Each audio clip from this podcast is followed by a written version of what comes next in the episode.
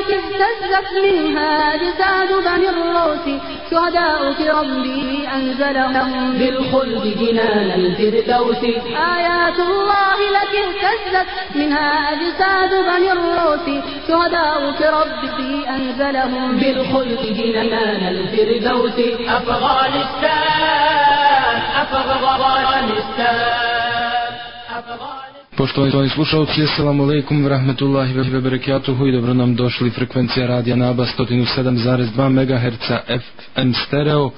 A subotom u ovom terminu od 20 sati i 30 minuta zajedno se družimo kroz serijal emisija Oaza imana.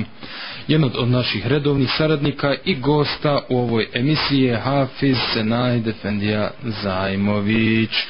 E, Maksu ćemo ga poselamiti u studiju radi nabaje za, želje, za željeti mu dobrodošlicu i naravno ili e, poželjeti ugodno ili ugodan boravak e, u studiju radi Radija Naba i naravno hajr ako Bog da u večerašnjoj oazi imana Hafiz Efendija, assalamu alaikum i ehlam esahlam. Alaikum salam, činim zadovoljstvo, hvala na dobrodošlicu. Kao i uvijek Hafiz Zajmović eh, na talasima Radija Naba a, a, sa aktuelnom, ja ću reći, vrućom temom. Kažu da, a, neki kažu, naravno griješe u tome, da u islamu se nema šta novo reći, da je sve već davno, davno rečeno i sve što, što, što se sada govori u islamu je samo ispravno ponavljanje stvari koje su već hiljadama puta do sada obrađene iz svih uglova i svih, svih različitih aspekata i viđenja određenog islamskog šarta ili određenog islamskog problema ili određenog određene situacije koje u islam razmatra. No, upravo je Hafez Zajmović jedan od, onih, od one plejade novih ljudi, da ka, tako kažem, mladih alima Hafiza, koji ipak islam pokušava primijeniti u životu, odnosno no, bilo koji problem ili bilo koji, koji pitanje koje se susreće, sa kojim se susrećemo svakodnevno u životu, ili po, po, pokazati kroz prizmu islama sa jedne strane, a sa druge strane dati naravno odgovore, što naravno jeli, derogira onu tezu krizu da se više u islamu nema šta reći u stvari islam o svemu ima još ko, e, mnogo toga reći a evo i večerašnja emisija bit će upravo e, posvećena jednoj aktuelnoj jako vrućoj, interesantnoj temi odnosno temi koja čini mi se svakog oženjenog ili svaku udatu muslimanku, brata ili sestru, u svakom slučaju interesuje po ovom ili onom pitanju. Najavi koju ste, koja već 2-3 dana na telesima rade naba, e, koju ste mogli, mogli slušati, čuli ste da je tema o kojoj ćemo govoriti e, najčešći e, bračnični problemi i umjetnost pristupa tim problemima. Inače, Hafiz Zajmović, već nekoliko puta ili nekoliko navrata obrađivao te porodične, e, tako ne želim, nazovemo probleme, porodična iskušenja, da li kroz odnos uh, ili roditelja prema djeci, odnos prema djeci, odnos prema kućnom budžetu, još par ili tema koje se ne mogu baš sad sve sjetiti, ali e, i ova tema o kojoj ćemo večeras govoriti jako je aktuelna.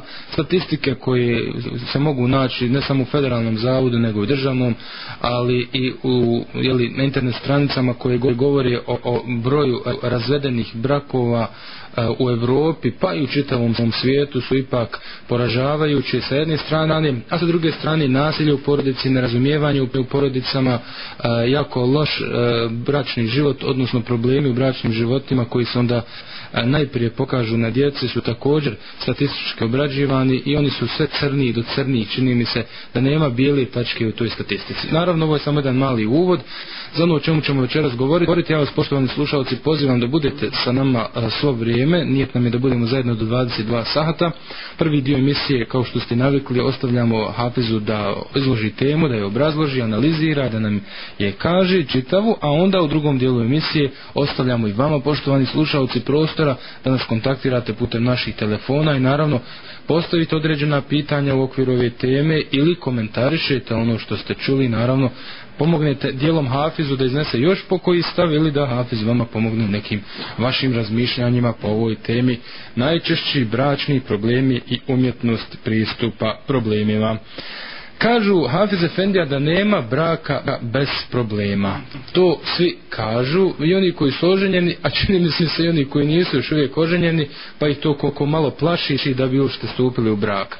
Međutim, ja bih temu odnosno ovu večerašnju emisiju počeo jednim drugim pitanjem e, koji se stvari može nasloniti na ovu konstataciju da nema braka bez problema. Hafez Efendija, postoji li idealan brak? Bojro. Bismillah rahman rahim. Alhamdulillahi rabbil alamin. Salatu wassalamu ala, ala sayyidina mursalin nabiyina Muhammad wa ala alihi wa ashabihi ajma'in. Dragi poštovani slušatelji Radio Nabe, selam alejkum ve rahmetullahi ve Ja molim Allaha dželešanuhu da vas sačuva svakog zla, da vas u, u, učusti u vašoj veri i da ovo večeras ako Bog da što čujemo i o čemu nešto kažemo da nam svima o, koristi. Naravno mi večeras govorimo o jednoj sasvim jednostavnoj temi, sasvim tim praktičnoj temi i ono što je mu Edi u samom početku rekao, ja se potpuno slažem da E, dakle ima se još uvijek e, šta reći naravno nemamo mi da se pogrešno nesati nemamo šta dodati na Kur'an niti hadis nego jednostavno islam koji se kod nas čini nekakako e, previše ideal, idealni, idealizira se i stavlja se izvan okvira e, izvan shvatanja običnog naroda želimo jednostavno da spustimo to na nivo naših čovjeka na nivo našeg naroda i da govorimo o praktičnim temama e, i ova tema o kojoj večeras govorimo jeste e, jedna od tih tema koje su praktične i ona danas o kojoj se slušali jutro s jutarnjem eh, program Radio Nave o ekonomiji uh, i, i, i tako dalje na jedan, na jedan jednostavan veoma uh, prihvatljiv način i razumljiv svakom i običnom građaninu našem uh, tako i večeras želimo također jednu sličnu temu naravno tema uh, govori o problemima u braku o tome kako ćemo se ponašati ako se desi problem kako ćemo ga prepoznati uh, koje su se sve vrste prisutnih problema kod nas u Bosni i Hercegovini i jednostavno kako se sa njima obhoditi kako, kako pristupiti tim problemima uh, odgovarajući na vaše pitanje moje dibe, e, mogu kazati ono što je to rekao Islam, da nema e, braka bez problema, nema idealnog braka, zato što nema idealnog čovjeka, nema savršenog čovjeka, niti savršene žene, e, tako nema ni i, i savršenog braka, e, dakle nema idealnog braka. I normalno je da postoji problem, samo je nenormalno što su neki naviknu na te probleme i što ih jednostavno a, pokušavaju ignorisati ili pokušavaju potiskivati. A, kao što je velika zabluda misliti da je samo onaj brak dobar u kojem nema svađa, još je veća ilu iluzija vjerovati da u kvalitetnom braku ne smije biti nikakvih problema. Nema brakova bez bez povrenih svađa, a niti bez rješivih i nerješivih problema. Dakle, svi problemi su uz Allahovu pomoć rješivi. E, poslanik sallallahu alaihi wasallam je također imao problema u, u svojoj, svojoj porodici. Mi, smo, mi se možemo prisjetiti brojnih e, slučajeva, e, brojnih situacija u kojima on na jedan fin način raspravljao problemu sa svim suprugama, on bi znao govoriti, a iša radijallahu anha, ja znam kada si zadovoljna sa mnom, a znam i kada si ljute na mene upitala ga je kako znaš kada se ljuta na mene onda kažeš tako mi gospodara Ibrahimova a kada se zadovoljna govoriš tako mi gospodara Muhammedova iz ovog eh, hadisa eh, i iz riječi kada se ljuta vidimo da je bilo neka situacija kada je ona bila ljuta na poslanika ali i salatu wasalam i kada se među njima desili eh, sitni mali eksis međutim ono što je interesantno u poslanikom ali i salam braku niti jednom nije, nije se desio razvod niti se desila neka pretjerana ili veoma velika svađa koja je otišla van granica svojih, nego se zadržala u krugu porodice, ali je nama, nama su dostupne predaje u kojima se govori i o tim sitnim problemama.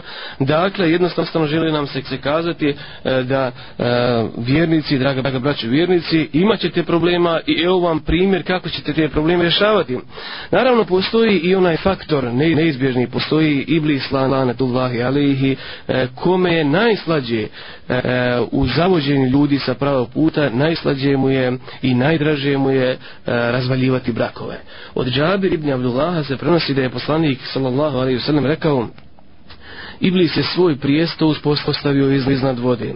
Odatle šalje izvidnice, njemu najbliži je onaj koji posije najviše smutnje među ljudima kako se koji vraća iz izvidnice, tako i podnosi izvještaje. Jedan od njih kaže, uradio sam to i to, a Iblis mu odgovori, ništa ti nisi uradio.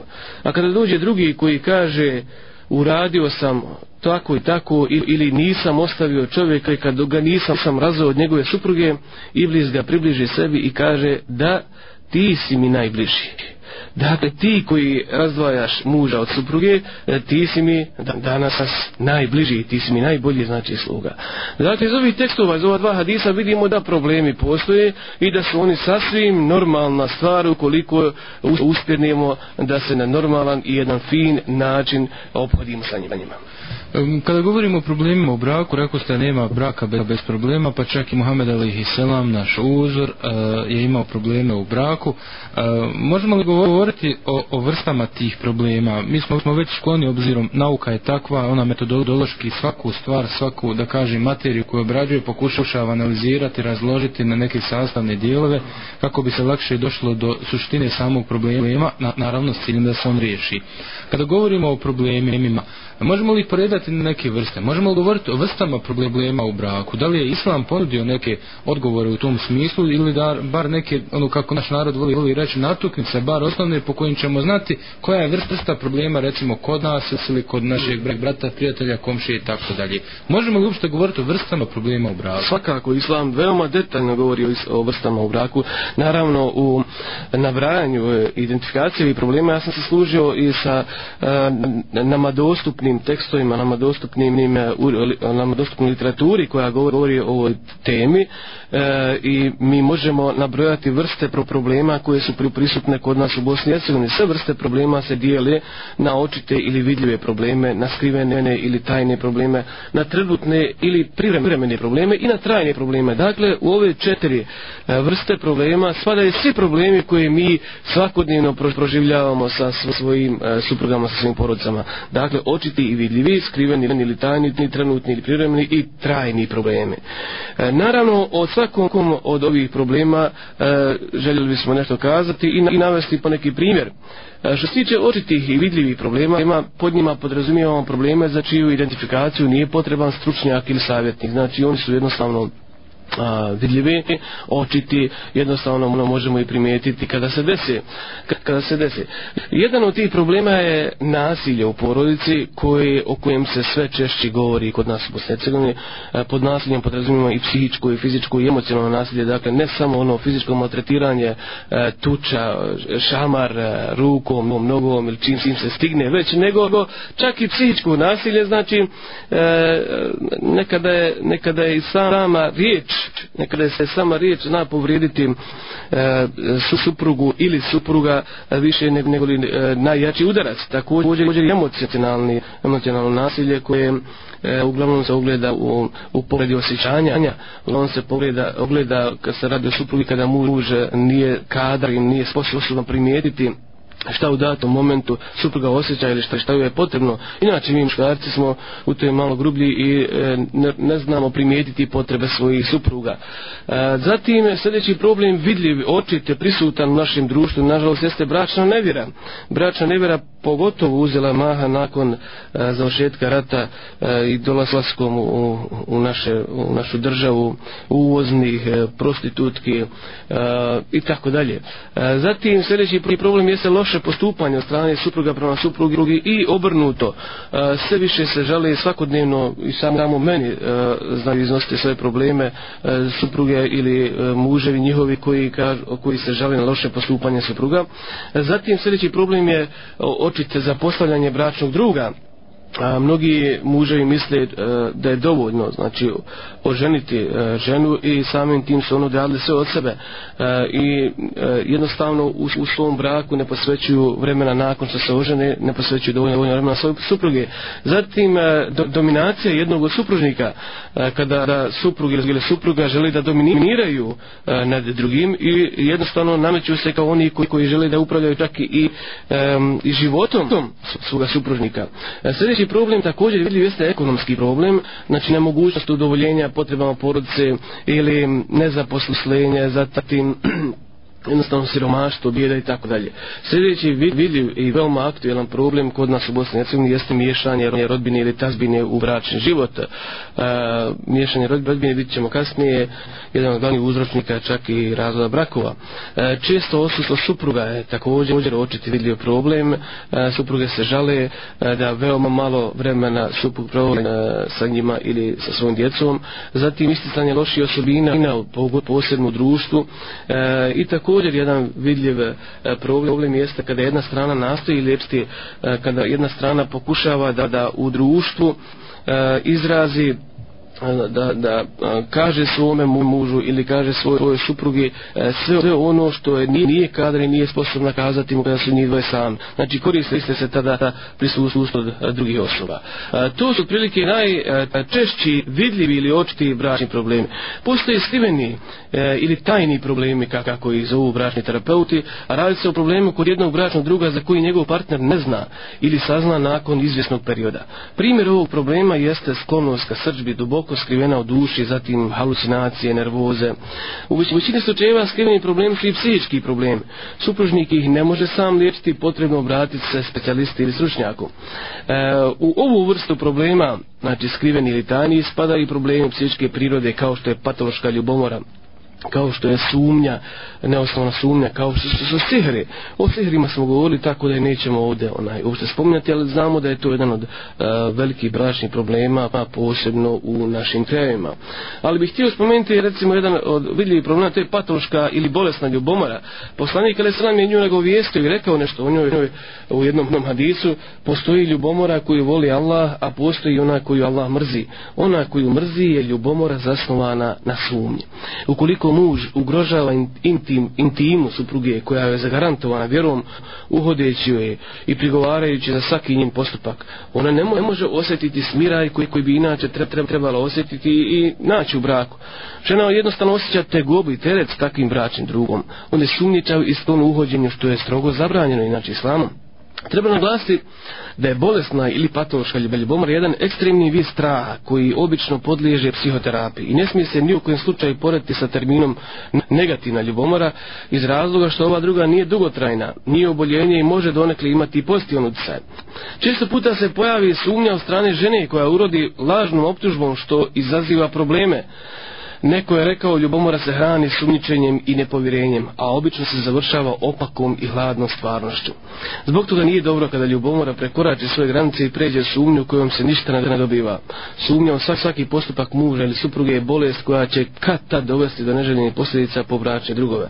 Neki bi muže prilikom izlaska iz kuće namještali obuće svojih supruga i ostavljali ih u jednom položaju. Kada bi se vraćali gledali bi da li je obuća u istom položaju u kome se ostali kako bi na taj način znali da li je ona a, e, negdje izlazla ili nije. Znači to je ta patološka ljubomora, to je ta bolesna ljubomora koju i islam osuđuje.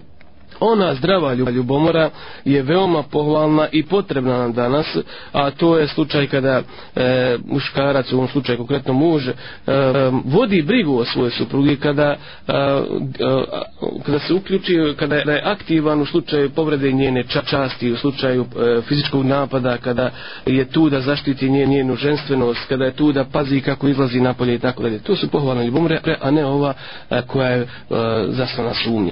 Zatim, jedan, također prisutan skriveni ili tajni problem jeste impotencija. Impotencija ko, na koje se žali e, mnogi supruzi ili mnoge supruge, e, zatim sljedeći problem jeste povlačenje u, u sebe. Povlačenje u sebe kada muž jednostavno zbog nagomilanih problema ili zbog nekih vanjskih problema povlači se u sebe, nije sposoban niti kadar suprostaviti se. To, to su otprilike najpoznatiji tajni ili skriveni problem. Zatim imamo e, trenutne ili privremeni problema, kako ih nazivamo, a radi se o problema koje proizvede jedan supružnik u jednom, jednom momentu, a što se ne smatra njegovom stalnom osobinom. Dakle, oni su prolazni i kratkotajni. tajni primjer ovih problema recimo je ismijavanje i šalala muža na račun supruge i obrnuto. Znači, zatim spominjanje mahana pred rodbinom supružnika. E, to su oni e, momenti kada jednostavno ne iz pakosti, ne iz e, neke e, zlobe e, spomine se jednostavno mahana pred e, roditeljima e, muža ili pred roditeljima supruge.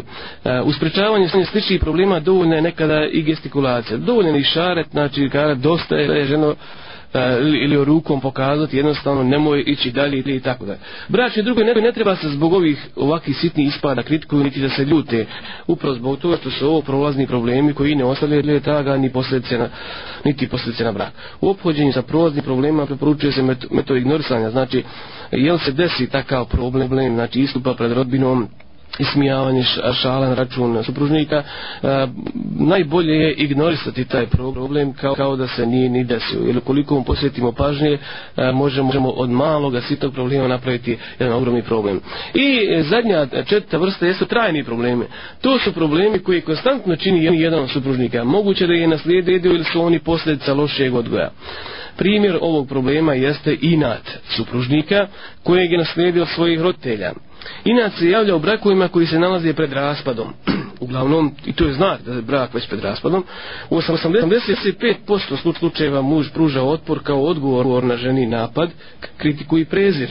Inat je kao stalno osjećanje porazno pozdravljao bez ono ne mogućava rješavanje nesuglasica.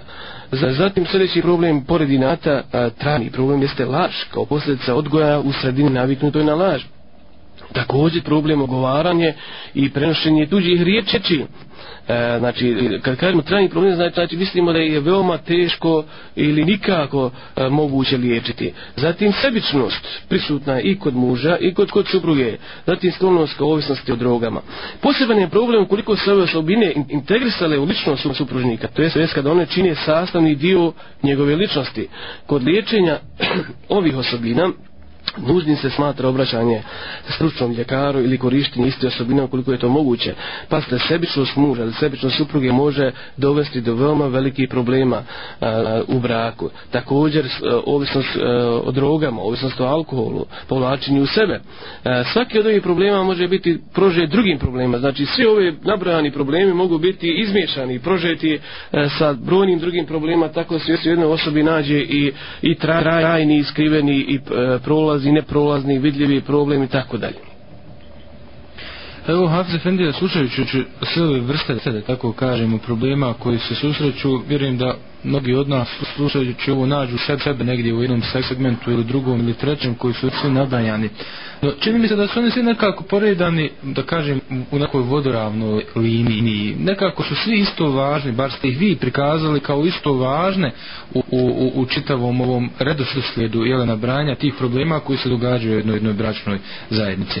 Međutim, e, postoji li i neka valorizacija e, većih i manjih problema, odnosno, evo, evo da budem odmah konkurenciju, konkretan, e, možemo li govoriti o najvećećem bračnom problemu?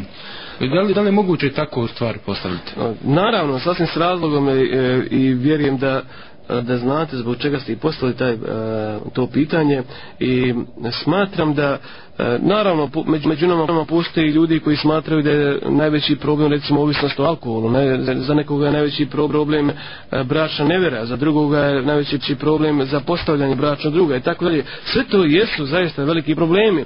E, ja sam i namjerno, kao, kao što ste i rekli, stavio sve u istu ravan i su svi problemi, problemi. Najmanji može biti, biti nekada ogroman i velika, a naj, najveći može biti za nekoga veoma sitan i malan. Zavisi kako ko gleda te probleme. E, Međutim, najvećim pro problem u braku smatra se neriješena ili otvorena pitanja. Neriješena ili otvorena pitanja, ona su naj, najveći. Svejedno o kojem se problemu vam radili. Naj, znači, neriješena i otvorena pitanja. Šta smatramo pod neriješenim ili otvorenim pitanjima? Najbolje ćemo to saznati iz primjera a brojni su primjer u našem životu. Na primjer, muž i supruga da se prepire oko toga e, ko će voditi brigu o djetetu koji ide u školu, odnosno ko će um, ići na roditeljski djetetu. I ona radi, i on radi, radi i prepiru se i svađaju. I na kraju pukne jednom vodni jel, film, što bi mi rekli svojim um, narodnim jezikom, i muž otiđe i na roditeljski djetetu. E, međutim, e, oni nisu, oni otišli na roditeljski, e, privremeno je riješio taj problem. Međutim, nisu trajno riješili problem. Ostaje i dalje pitanje ko će u budućnosti voditi brigu o djetetu.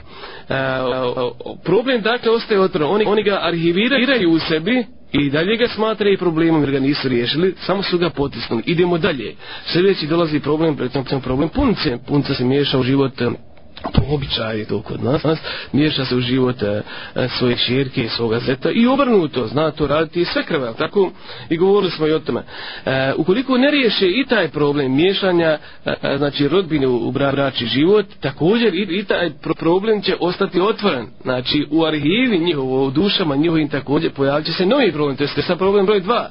Dolaze sljedeći problem, recimo E, e, e, žaljenje ili prigovor supruge je da ona svakodnevno provodi sama mnogo vremena među te tri zida u svojoj kući. Ukoliko ne riješe problem njene samoće, e, nego ga jednostavno potisnu, a prirodno ga riješe, e, stvorit će se novi treći problem, također otvoren i neriješen problem.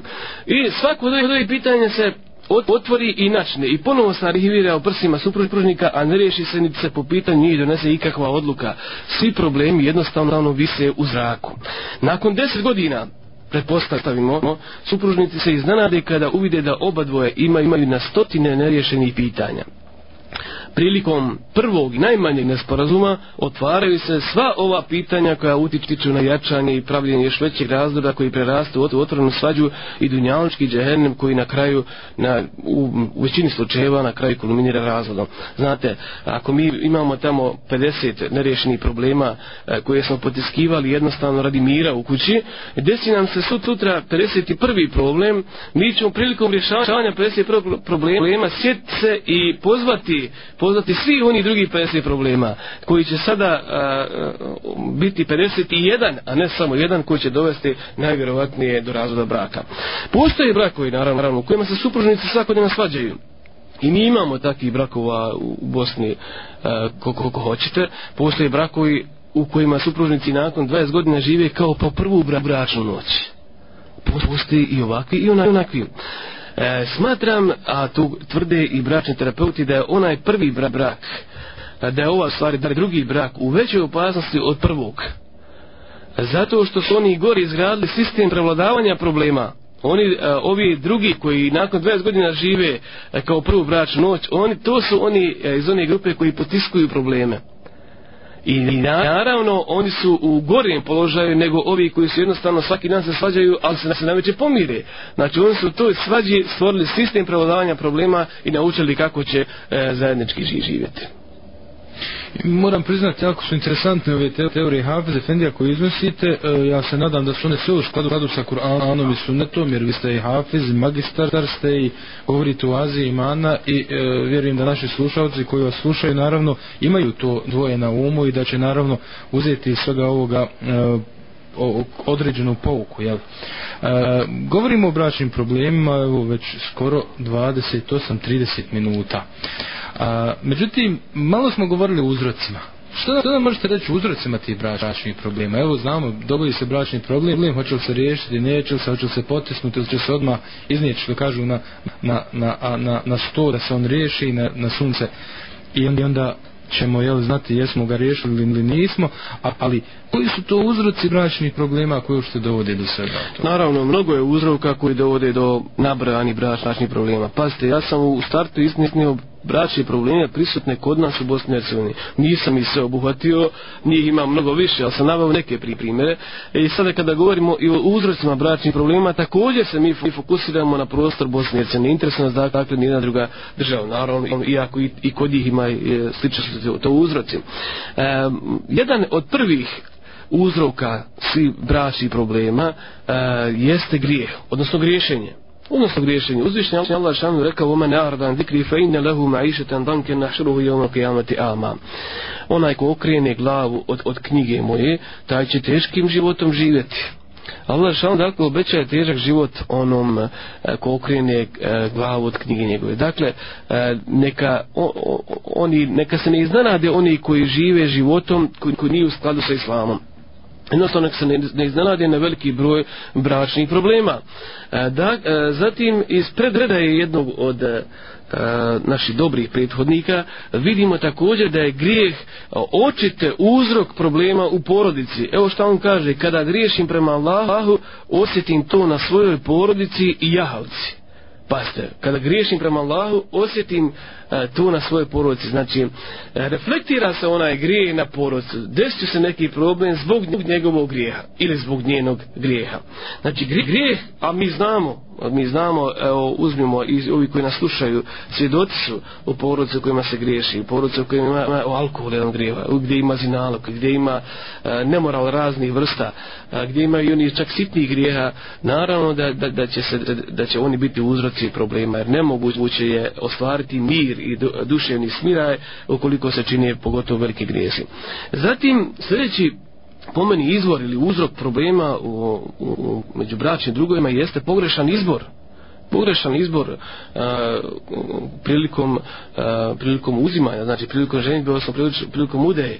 E, mnogi, brat, mnogi muškarci e, gledaju na ljepotu, gledaju na porijeklo, gledaju e, samo, samo na to, recimo, dok ne, ne gledaju na one četiri stvari koje je poslanik Veselam, ili odnosno ne, ne gledaju na, na vjeru kao, e, kao nešto što okuplja sve one stvari koje je poslanik Veselam rekao, a to su porijeklo, ljepota i metak i, i vjera. E, Um, izbor bračnog druga posebno je bitan iz, iz više razloga. Pravilan izbor pružit će čovjeku i duševno i tjelosno zadovoljstvo.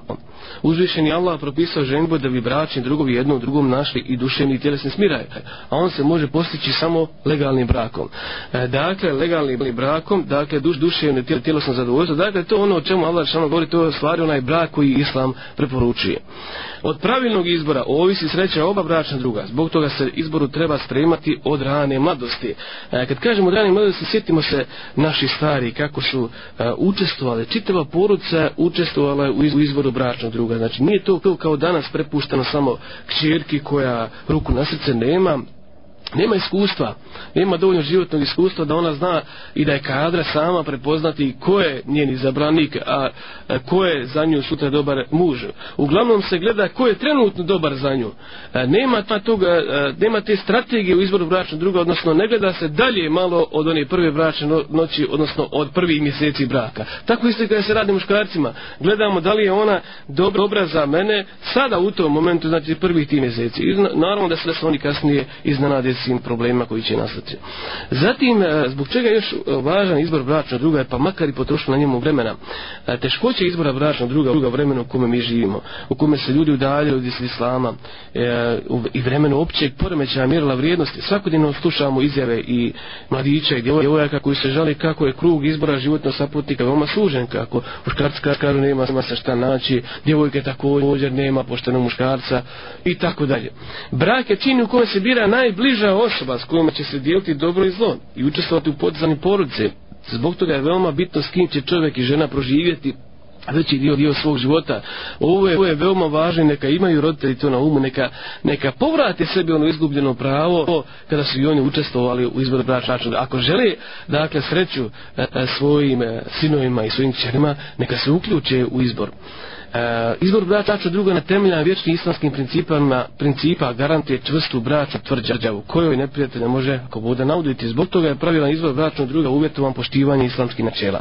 Vam bračne avanture su uglavnom posljedica za obilaženja, za obilaženja smjernica vjere prilikom izbora pravilni izbor br bratnog druga garantuje dobar i u duhu islama odgojen porod. To su sve razlozi dakle da, e, da e, hladne glave pristupimo izboru bračnog druga, da ne žurimo u tome jer biramo nekoga s, kojim, s kim ćemo provesti sljedećih možda 20, 30, 40, 50 godina Allah dragi zna koliko i s kim ćemo izroditi porod. E, dakle, to je bio drugi uzrok bračnih problema.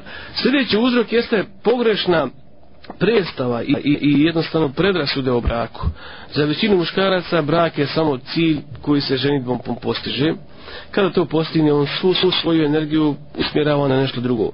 Sve mu daje prednost na suprugom i brakom. On smatra da je učinio mnogo i da brak srta treba se odvija sam po sebi supruga od braka očekuje mnogo više i pažnje, i ljubavi, i intime. Zbog toga ona traži da provede više vremena sa svojim mužem za koga se udala. Ona očekuje od njega da na najljepši mogući način izrazi svoje osjećanja. Kad kažemo ovaj porešan, e, porešan predstav i predstave o braku, i predrasude u braku, e, najviše tu ciljam na nepostojanje jednog bračnog savjeta u šta kod nas, nas u Bosni i Hercegovini. Mi, osim što nemamo e, edukativne emisije koje, i obrazovne emisije koje govore o predbračnom savjetu, koje govore o predbraku i o samom braku, mi nemamo ni instituciju koja se jednostavno bavi ovim problemom. I naravno da ta omladina jednostavno ide kao po, kao po nekoj inerciji. Moj babo se ženio na ovakav način, idem si ja na takav način, ili sad je malo modernije na ovakav način, pa, pa, pa šta bude, jednostavno lupim. E, sljedeći e, uzrok problema jesu, jesu različite prirode, znači muškarine, prekrepteci, fizičke razlike koje se ogledaju u temperamentu, umnim sposobnostima, jačini emocija, sklonostima, porijeklu i tako dalje. Dakle, postoje društvenije osobe i one koje to nisu. E, suprug je društveni, on voli društvo, supruga nije ili obrnuto, što nekada zna biti još veći problem, supruga hoće da je stalno u društvu.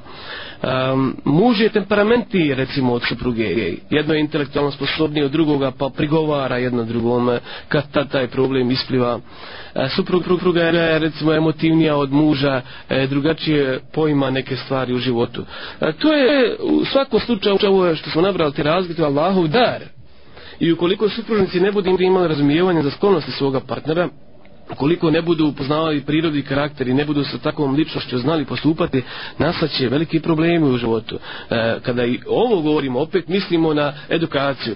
Znači, i suprug i supruga prije nego uđu u brak, trebali bi nešto da pročitaju i nešto saznaju jednostavno o ljudskoj psihi, o različitim prirodima muškarca e, i žene. Ne može postupati sa suprugom kao sa muškarcem u životu. Niti ona kao žena ne, ne bi trebala postupati sa svojim mužem kao, kao sa drugom ženom. Ehm, promjenljivost studij jednostavno vam također uzrok e, problema. Ljudska priroda nikad se ne mijenja potpuno, već procentualno i mi znamo u narodu onu e, čuvenu vuk tlaku mijenja, ali čud nikada. Znači, ta promenljivost čudi, to, to e, izražava se ili rezultira nestabilnošću osoba. Nikad nisi načesto sa njima kako će u datom momentu i datoj situaciji reagovati. tako da i ne znaš ni kako ćeš se postaviti prema njima. nekada muž iz jednostavno čisti i lijepi namjera sa suprugom želi porazgovarati nekom problemu, ona ga potpuno drugačije će shvati i obrnuto. Dakle, osobe sklone promjeni čudi ukoliko ne budu svaćene, mogu biti uzrokom problema. Odatle je problem onaj slabosti, slabosti ličnosti supružnika, recimo supruge se, se žali kako je jednostavno njen suprug e, slaba ličnost, nema jako ličnost. Sljedeći pro, uzrok problema jesu sukobi interesa nedovoljno razumijevanje među bračnim drugima po osnovnim pitanjima, recimo po pitanju imetka, po, po pitanju djece, po pitanju načina obhođenja, po pitanju seksualnog intimnog života. Obično je bračni život utemeljen na zajedničkom interesu. Što je u interesu jednog supružnika, to bi trebalo da bude u interesu i drugog supružnika. Ono što je u interesu njih dvoga, to je u interesu porodice, ta, tako bi trebalo biti. Iako različito gledanje na pojedine stvari može u istinu postojati, E, I to je bogatstvo koje je Allah Žešanu zaustvorio. Međutim, supruga može da smatra, recimo, da u njenom interesu neovisnost od muževe plati. Muž misli suprotno on kaže da supruga također je dužna da skrbi porodicu kao i on i da učestvuje da participira jednostavno u troškovima.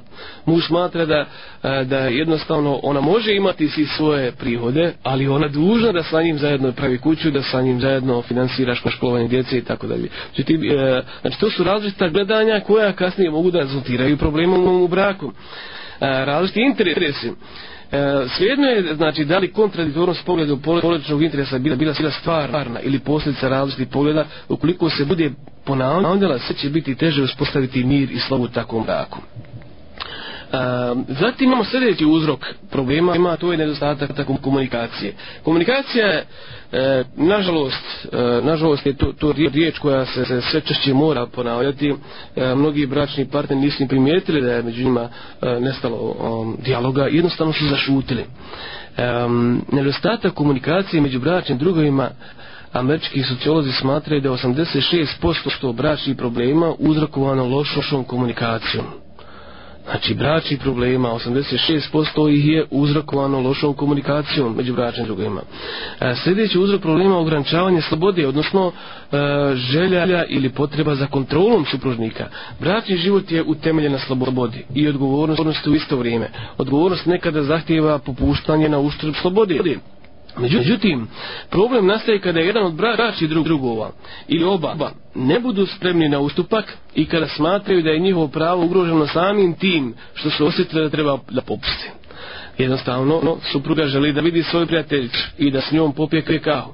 Muž smatra da bi njen izlazak bio svojevrsno za postavljanje djece i porodičnih obaveza nastaje problem. U drugom slučaju muž ima potrebu da sa svojim prijateljima ima otiđe na izlet, ali supruga smatra da je izlet gubljenje dragocenog vremena i trošak novca koji je veoma potreban porodici.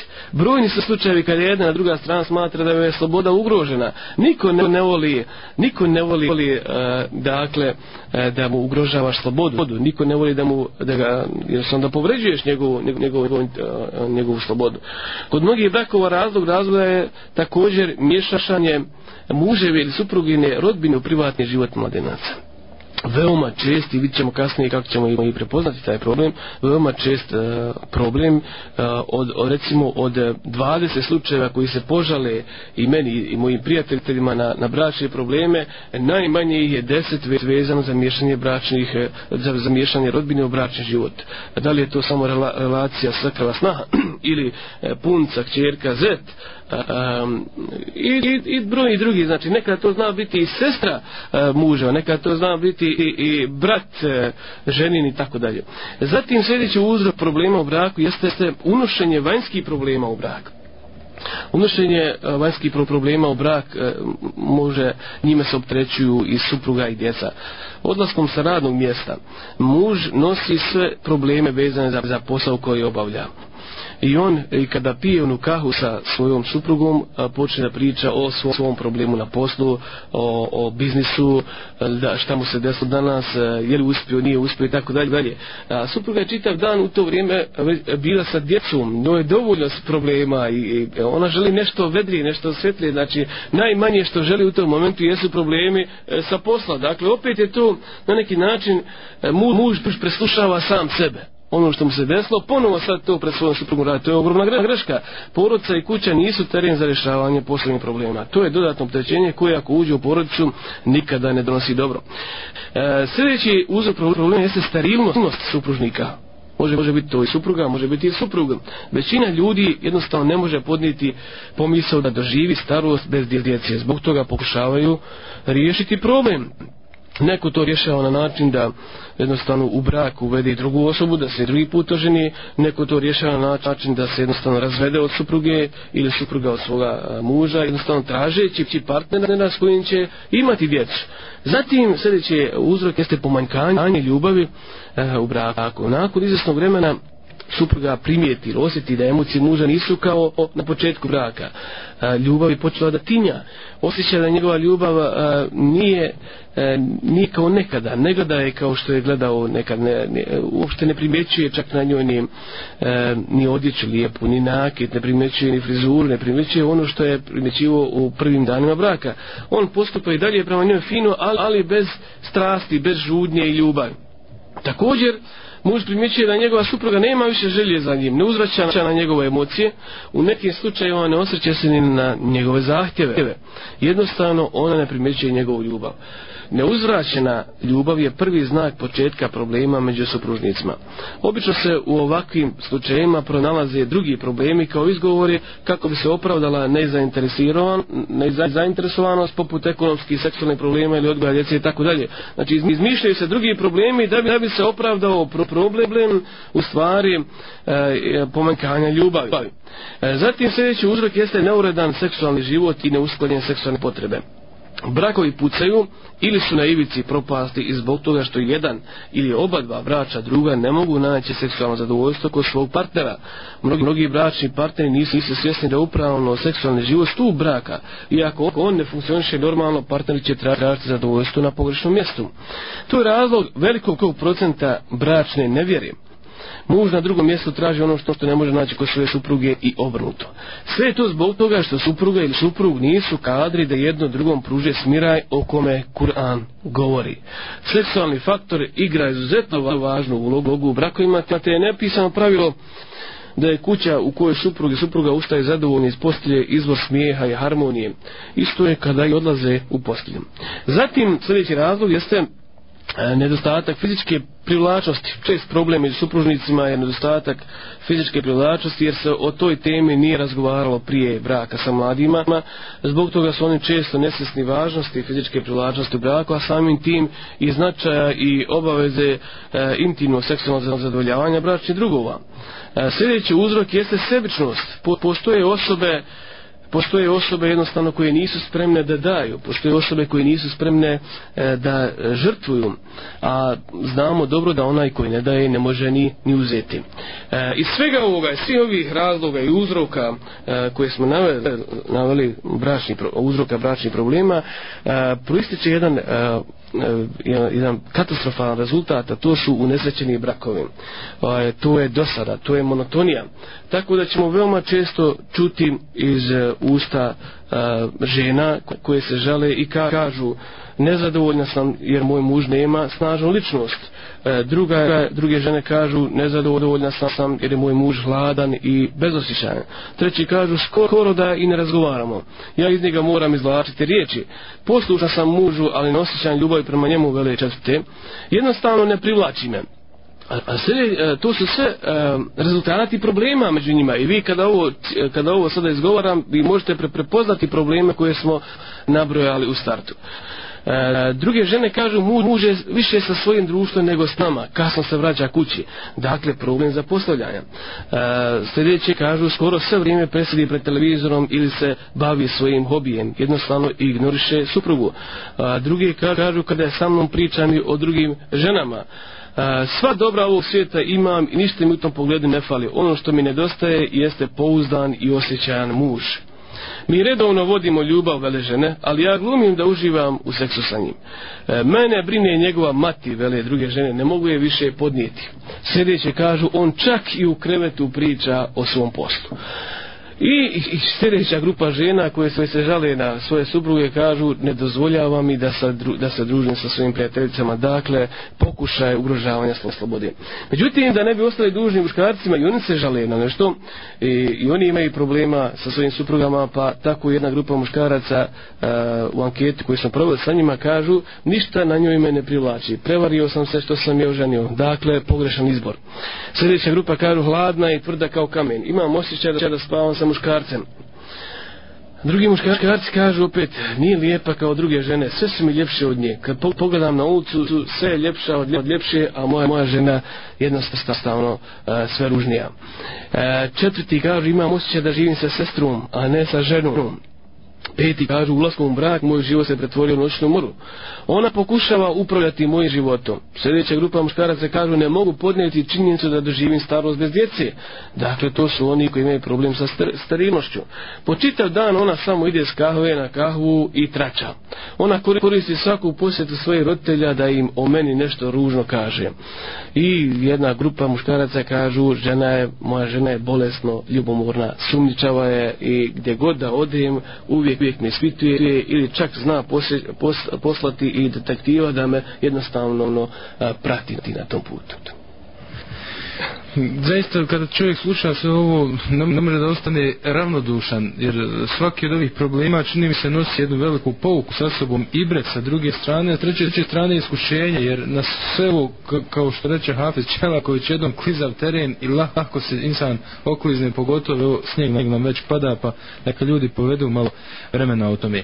A, lijepo ovo zaista poredano međutim ja pokušavam slušajući o Hafez Efendija pronaći neke znakove koji bi mogli inici adresirat jedan od tih problema. Nije više bitno koji, spominjali ste ih, evo, da ne kažem stotine problema na različite načine, ali uh, možemo li prije nego što se problem javi ili u samom začetku tog problema prepoznat već neke znakove i faktički odmah sa ili ispravnim nijetom krenut u rješavanje tog problema i prije nego što se on, on razvije skalira i naravno u, uhvati maha u čitavoj porodici pa i široj porodici ne samo onoj primarnoj baznoj bračnoj zajednici da li možemo govoriti o znakovima koji puću na probleme u braku naravno pored problema i uzroka e, važno je spomenuti znak strahove upravo rad toga što ste rekli da e, jednostavno da ih preduhitrimo, jednostavno da e, da ih pokušamo prepoznati prije nego se oni e, veći problemi desi, odnosno prije nego se se desi, ne daj Boža, najveći problem, to je razvod braka.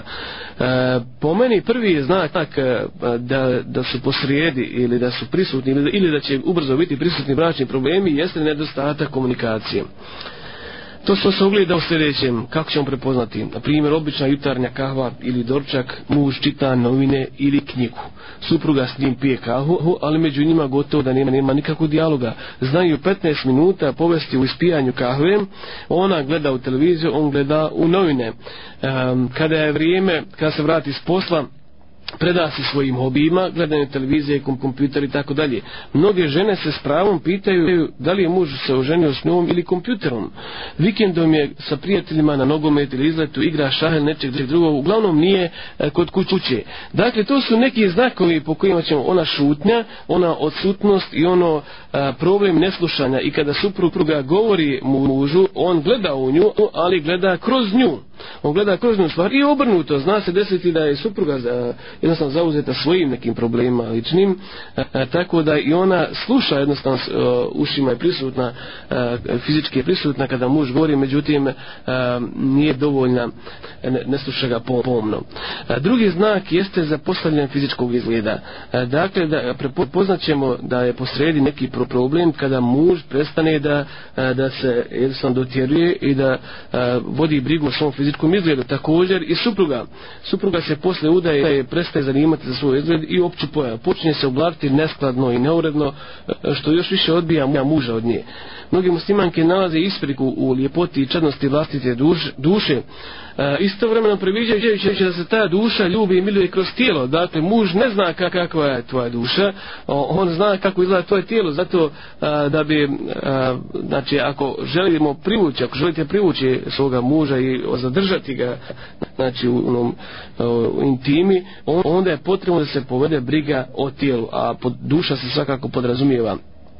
Um, sjetimo se samo slučaja Ashaba kada je uh, jedno, jedno, kada je njegova supruga prestala da se zanima jednostavno za svoj izgled pa jedna od Ashabi piki, eh, činim se umu Selema uh, prigovorila je rekla zašto tako neuredno izgledaš zašto se ne središ svome mužu onda je ona rekla da moj muž nema potrebe za mnom zašto? zato što je on noći provodio i baretu dan u postu e, i naravno u ovom slučaju je on krivac dakle nisu uvijek samo supruge krive krivi su i muškarci jer ne pokazuju interes za e, ljepoti fizičke za svoje supruge. E, znak je također e, da supruga se žali i kaže više ne čitam, jednostavno ubim monotonija, ne družim se sa svojim prijateljicama, iako brakom naravno ne bi smjelo prestati to druženje.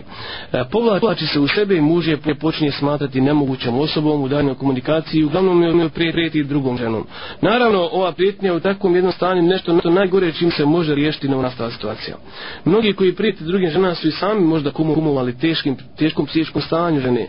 Oni, oni nisu spremni jednu ženu zadovoljiti i usrećiti, a već žele to isto i drugoj vrati. Pritome često se zabravlja da su žene, žene naše manete za koje ćemo odgovarati pred uzvišenim Allah. Allahom Đelešanom. Dakle, nemojmo nikada pribjegavati e, pri prijetnjom, znači ženitbom drugom ženom u, u slučaju ako imamo problem komunikacije, ako imamo problem e, nezadovoljstva sa fizičkim izgledom, jer e, možda je krivica u nama, možda upravo zbog toga što nismo uspjeli pokazati interes za fizički e, izgled svoje supruge, e, moguće je da e, znači, mi, budemo kri, mi budemo ti koji nismo e, bili dostojni, mi smo bili spremni usrećiti jednu ženu, a sada hoćemo da to radimo i sa drugom ženom. Treći znak je e, po kome ćemo prepoznati probleme prije se desi jeste napeta kućna atmosfera koja sliči e, burek barata koja svak, koje svakog momenta jednostavno može eksplodirati ukoliko se primijeti napetost znak je da je u toj kući bračna lađa krenula u, u porišnom pravcu Znači, čim se osjeti, a to muževi, to supruge veoma dobro znaju e, da li se funkcionuše normalno ili je napeto u kući. Znači, odma idimo, ako nismo sami spremni riješ, riješiti ovaj problem, idimo nekom sam savjetniku koji će nam možda ponuti rješenje. E, četvrti znak jest, jeste kada supružnik prihvata tata partnera kao brata ili kao rođenu sestru. Situacija je tu kada muž e, svoju suprugu e, prihvata kao, kao sestru, a ne kao žensku kojom kojom treba imati uredan seksualni odnos, ona njega također prihvata kao brata. To su oni slučajevi u kojima vlada samo samilost, bez strastvene bračne ljubavi. Veliki je broj brakova u Bosni Hercegovini u kojima bračni partneri jedno, jedno, jedni druge toleriraju, u kojima nema mržnje, ali nema ni ljubavi. A mi dobro znamo da je uzvišen Allah šanu da on i rekao da je e, jedan od njegovih znakova to što među, među nas e, što stvara i ljubav i samilost dakle ljubav on, onaj intimni e, seksualni i duševni e, duševna na ljubav zatim samilost koja se ogleda u pomaganju koja se ogleda u zajedničkom e, vođenju bračnog života i tako dalje ukoliko postoji sam, samo jedno a, ne postoji ovo drugo naravno da će doći do problema u braku peti znak na osnovu kojega možemo prepoznati ima li ili nema problema u braku jeste e, kada supružnici pokučnu da izbjegavaju seksualne e, seksu, seksualne zadovoljstva, seksualne potrebe e, na, na odno kada pa, pa počinju da izmišljaju neke druge probleme kao jednostavno da bi izbjegli e, intimni kontakt sa svojim e, partnerom. Prednost braka između ostalog jeste i seksualno zadovoljstvo koje uzvišan lašanu stvori u nama. Onog momenta kada se muž i žena upuste u gledanje sapunica koje govore o idealnom intimnom ljubavnom životu, to je znak da to što gledaju ne nalaze u svom životu. Jer da su istinski zaljubljeni jedno drugo, ne bi im na kraj pameti bilo da tu ljubav nečim remete. Oni priželjkuju ljubav sa ekrana jer je nema jednostavno u svom privatnom životu. Govoreći o ovome, da kažem, prevazilaženju problema, odnosno o svim problema koji se susretnu, o prepoznavanju, o znakovima o kojima trebamo evo, voditi računa, možda bi bilo dobro posvetiti se ovoj drugom, drugom dijelu večerašnje teme koju smo na početku naslovili, a to je ta umjetnost u uhođenju sa problemima u braku. Evo reći ćemo imamo problem, rekli smo na početku nema braka bez problema, e, međutim očito da je hajr u onome, odnosno pojenta je u tome da imamo umjetnost, e, odnosno da posjedujemo tu sposobnost da prevaziđemo određene probleme ili da se znamo opoditi prema tim problemima u braku. Da li to moguće? Nudi li nam neko recept za rješavanje tih, tih problema? Imamo li neki, da ga nazovemo tako, jel, priručnik ili u, uputnik kada su u pitanju upravo ti problemi i umjetnost obhođenja s tim problemima? Naravno, mi nemamo ovdje čarobna hladine u lampu pa da za svaki problem jednostavno potrljamo lampu i da nam izađe duh koji će nam kazati um, o, o, o rješenju koji će nam ponuti jednostavno rješenje naravno prije ne, nego što kažemo kako se pr prema određenom problemu postaviti mi ćemo navesti tipove e, i reakcije ljudi koji različito reaguju na, na određeni problem e, u u, pro, u braku. E, brojni su tipovi supružnika koji na različiti način reaguju na pojavu problema. U mogućnosti smo da ih jednostavno figurativno predstavimo. Dakle, nema šablona. E, svako na svoj način reaguje na određeni problem. Pritome ćemo e, predstaviti otprilike e, pet tipova e, figurativno kroz E, kroz jedno fine, lijepe životinje. Znači, svi se oni e, svode na pet vrsta. Imamo tip koji jednostavno se prikazuje u e, bračnim terapijama kao morski pas. Ovaj tip ljudi su karakteristični po svojoj napadačkoj prirodi. Znači, muž, muž je supruga u slučaju bilo kakvog problema, napadaju svejedno bili u pravu ili ne. Krupnim riječima i žestoko optužuju druge i na taj način oni u drugi plan stavljaju svoju krivicu. Nikada ne vole problem u sebe. E, to je dakle tip tip morskog psa. Pa, znači, kada bilo kakav problem da se desi, muž jednostavno ne želi ga priznati ili e, supruga ne želi priznati problem, nego napada, e, napada svoga supruga i u ovom slučaju koristi onu narodnu metodu napade najbolja odbrana. E, e, e, sljedeći tip ili e, tip e, E, bračnog druga koji reaguje na određen problem jeste tip kornjačnjače. Ova vrsta ljudi su e, sušta su proto prvoj. Kada kornjača bude izložena bilo kakvoj opasnosti, ona svoju glavu i udove uvlači pod svoj oklop. Jednostavno ona se povlači i čeka da se situacija smiri i problem im nestane. Nakon toga ona se ponovo javlja. E, mnogi supružnici su poput e, kornjače e, e vole se povući kad se problem pojavi i ne upustiti se u njegovo rješenje. Jednostavno ono e, oni se e, povlače e, dok ne prođe bura problema kada se sve smiri oni ponovo se javljaju i ponovo nastavljaju normalno sasvim normalno bračni život e, ovo je vrlo često je ovaka reakcija pohvalna zatim sljedeći tip ljudi koji reaguju na probleme u braku jeste tip e, mede ili medvjeda. E, ova vrsta e, ljudi ili ova vrsta suprotnika pozna se po tome što vole mir, vole blagost i vole smirivanje situacije. Kod pojave problema bilo koje vrste, njihova jedina briga jeste očuvanje braka i miran izlazak iz krize. Svejedno kakvim se rezultatima radilo, pozitivnim ili negativnim. Bitan je mir. To su oni ljudi koji radi mira u kući ne upuštaju se na otklanjanje problema koji mogu porodicu jednog dana odvesti u propast. Radi mira u kući, one čak ignorišu i nemoral svoga supružnika. E, dakle, tipovi poput mede e, su spremni trpiti problem, e, nisu spremni da e, upuštati se u rješavanje tog problema, jednostavno želeći zadržati porodicu na okupu. E, četvrti tip e, supružnika jeste e, lisca. Ova vrsta supružnici supružnika su simbol lukavštine, e, prevare, intriga. U slučaju bilo kakvog problema, oni kalkulišu i lukavo postupaju. Dobro paze da iz problema izvuku korist. Oni nikada nisu u krivu. Uvijek je druga strana u krivu. U slučaju rasprave sa, sa ovom vrstom ljudi nije moguće postići dogovor i postići bilo kakav rezultat. Oni uvijek imaju priču za sve i ne biraju sredstva. Oni gledaju da e, e iz problema kome su oni kumovali i kome su oni bili e, e, uzrok, jednostavno gledaju da izvuku određenu korist. Čak i kad priznaju problem, oni se neće kanititi u rješavanju tog problema e, dok e, E, dok je jednostavno ne, ne, ne izvuku uku i oni nešto o, neku, nekakvu koriste. Dakle, jednostavno liče na listicu. E, sljedeći tip e, supružnika jeste tip goluba. E, golub je poznato je simbol inteligencije, simbol mudrostosti. On zna šta treba i kako postupiti u određenoj situaciji. Ukoliko su supružnici ove vrste, znaće šta će i kako govoriti i kako postupati sa problemom. Ljutim, Dobro je postaviti ti, evo iznijeli smo tipove, iznijeli smo reakcije supružnika na određene probleme i svako od njih na, na različit način reaguje. E, dobro je postaviti pitanje koja je sad najbolja vrsta ili koji je najbolji tip supružnika iz, iznijet kroz ove, e, kroz ova figurativna predstavljanja. Svako od nas može odrediti se e, kojoj vrsti e, pripada. Najbolji su oni supružnici koji, koji se u bračnim problemima postave ili postupaju ovisno o situaciji i vrsti problema. U nekim slučajevima greška je ukoliko jedan od bračnih drugova se povuče, dok je u nekim drugim slučajevima bolje se povući.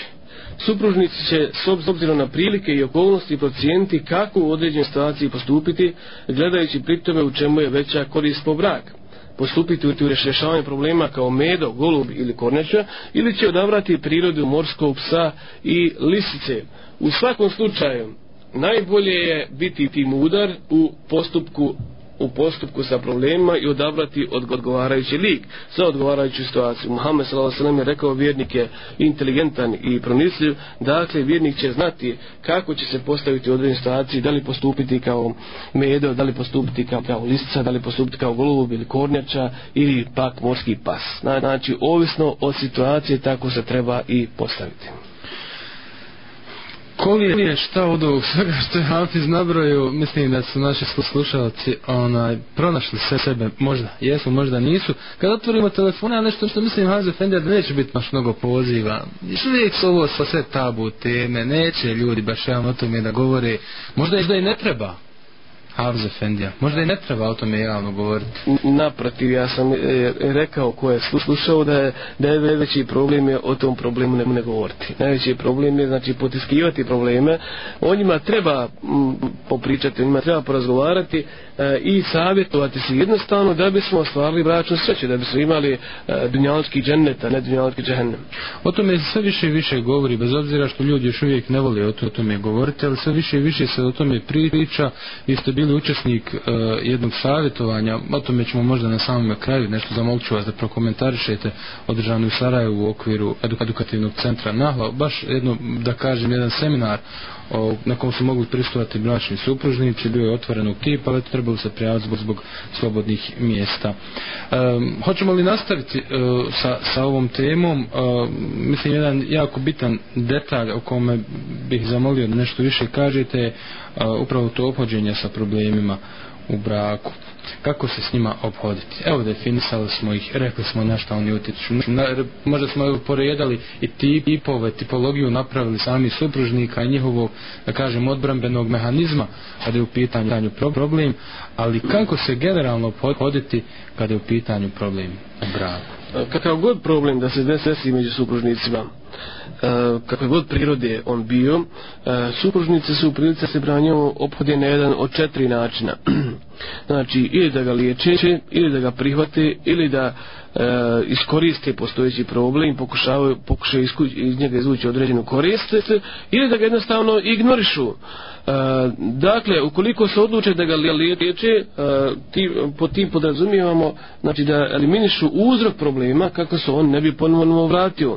Slično je to, dakle, zubaru koji vadi umnja koji je uzrokovao bol. On je u stvari eliminisao uzrok problema i zbog toga bolestnik više neće imati problem. Znači, dakle, možemo liječiti bilo koji bračni problem e, tako što ćemo eliminisati uzrok problema. Na nama je da prepoznamo i da se posavjetimo i da pokušamo identifikovati uzrok problema. E, sljedeći način ophođenja jeste da prihvatimo problem i da ga nastavimo zadržati u granicama. Pod ovim mislimo na razumijevanje suštine problema i pravilno ophođenje s njim. Posebno je važno ne dovesti svojim djelovanjem do uvećanja problema treba sve učiniti da se problem zaustavi i po mogućnosti da se uljepša kao što zubar uljepša i sastavi slomljeni zub. Naravno da ova mala operacija treba ispravnu dijagnozi vrijeme. Dakle, na nama je da li ćemo prihvatiti taj taj problem i pokušati ga zadržati u, u granicama. Navišćemo i primjer nakon ovog izlaganja a, iz kojeg će nam biti mnogo jasnije. Treće, možemo iskoristiti postojeći problem u nešto što je dobro ili izvući koristi samog problema, iako je problem, dakle, možemo iskoristiti određenu korist. E, tada mi umanjujemo problem kroz njegovo iskoristavanje kao što zubar čisti recimo bolesni zub i stavlja na ulaku koristeći korijen zuba znači korijen zuba koji je bio nekada problem sada na njega koristimo ga navlačeći na njega e, zubnu navlaku i tako e, ponovo ga stavljamo u funkciju primjer na primjer muž je škrt i ne može da izleči svoju, svoju škrtost. Na nama je da njegovu škrtost iskoristimo u pozitivnom smjeru. Dakle, usmjeriti njegovu škrtost i omogućiti mu da i dalje bude škrt samo u zabranjenim stvarima tada će se njegova škrtost smatrati pohvalnom. To u onom smislu kada e, suprug jednostavno ne može da spriječi muža, e, u, u, u, jednostavno kada ne može da, e, da, ga, da promijeni tu njegovu škrtost, kada mu kaže, čovječe, znaš ti koliko košta jedna faša alkohola, ako on ogrezu alkohola, znaš ti koliko košta jedna e, kutija cigareta i tako dalje, ako on škrt, dakle, moguće da se ta njegova škrtost okrene sada prema haram, odnosno zavranjenim stvarima. Isti slučaj kada muž preko nekomjeru i nekontrolsalno troši. Po potrebno je iskoristiti njegovo rasipništvo i usmjeriti ga u trošenje od kojeg će korist imati e, porodica u kulturnom i obrazovnom recimo smislu. Dakle, pusti ga i dalje da prekomjerno i nekontrolstveno troši, samo sada u pohvalnim stvarima. E, u slučaju kad je žena recimo poznata kao osoba sa jakom ličnošću, tu osobinu treba dobro iskoristiti u odgoju djece i učiniti, e, učiniti od svoje djece jake i stabilne one osobe. I četvrto, znači mi možemo ignorisati problem. Pod ovim načinom podrazumijevamo i dostanje postojeći problema i prelazak preko njega. Jednostavno ostaviti ga vremenu, možda će ga ono izliječiti. E, navedimo, o, navedimo dva primjera. Recimo, mnogi supruge u Bosni i Hercegovini žalije se na alkohol. Žalije se na e, muževu stonost ka alkoholu.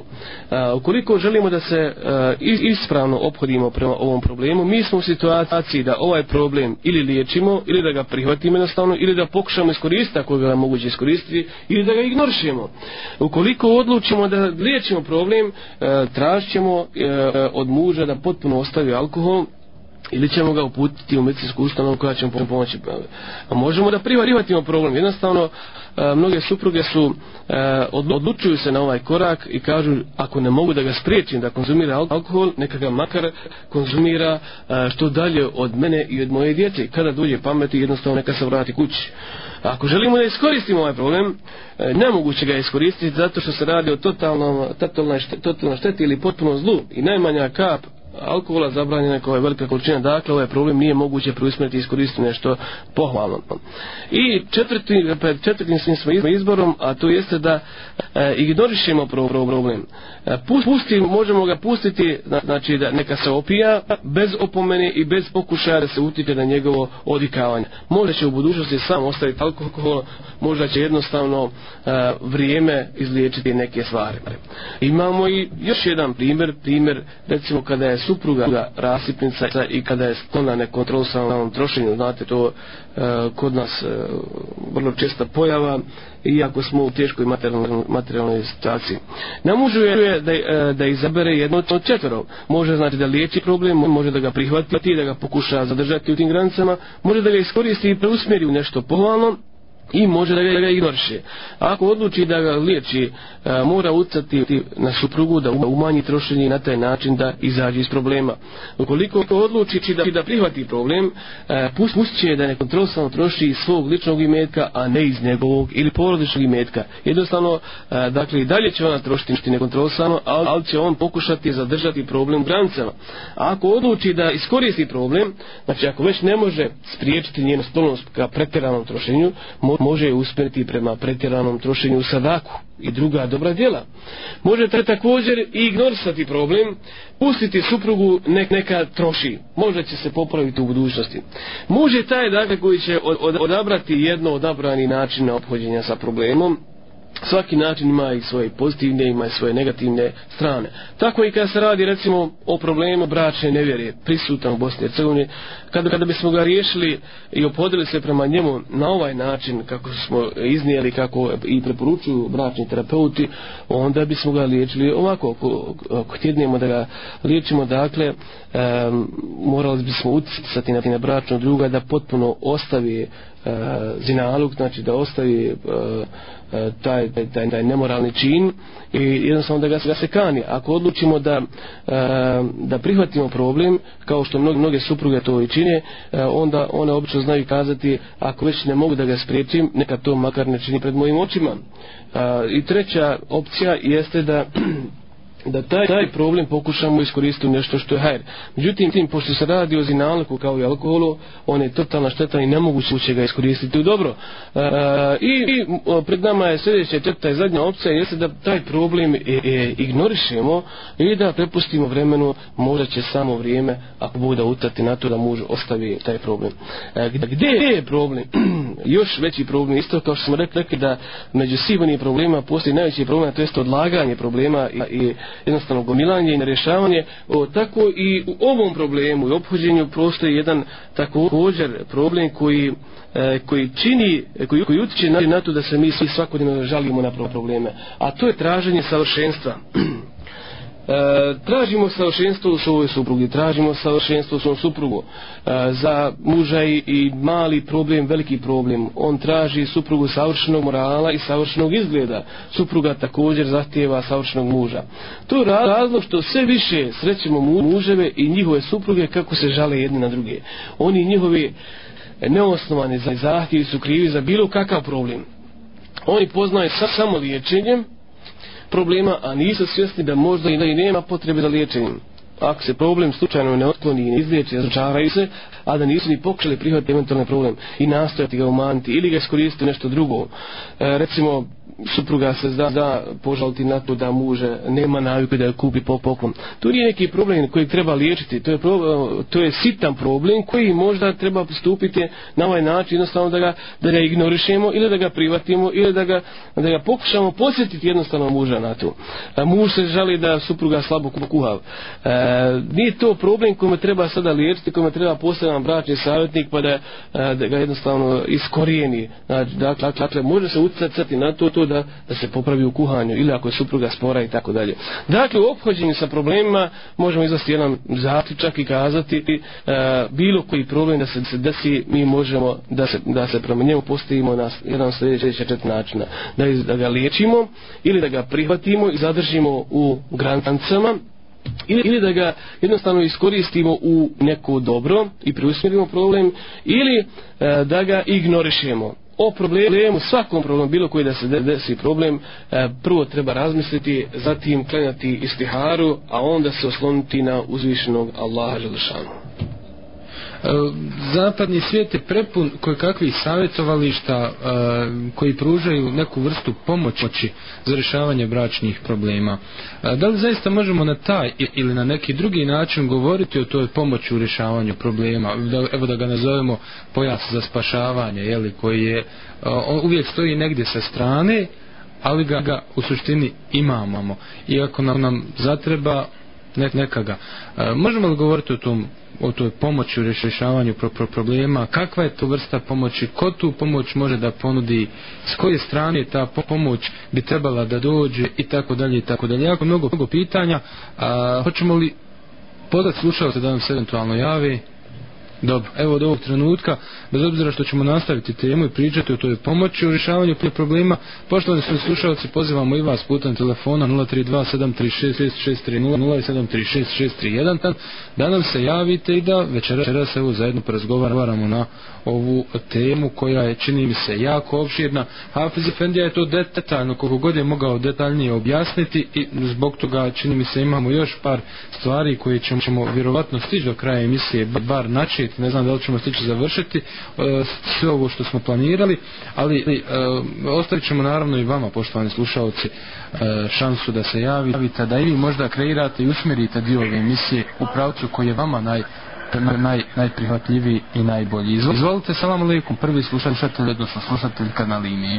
Assalamu alaikum, mama. Salam slušatelj, A, moj ime je Amir, nisam u braku, evo, slušam emisiju od pilke jedna pola sata izvanredna je. Sviđam se tema. Iskreno ja nisam u braku. Mada e, ima malo više godina što se ka kaže. I slušajte sve, sve ove probleme u braku. A, ovaj, malo sam se izabrinuo zbog svega. Jedno pitanje vašem gostu ako može. Zanima me samo e, mišljenje. Pošto ste rekli da je seks ključ zdravog braka odnosno stup, e, kako je vaše mišljenje o tome? Toliko odakle na nas zovete ako smijem znat? Pa, uh, trenutno prolazim kad zemljice, zovem za auto.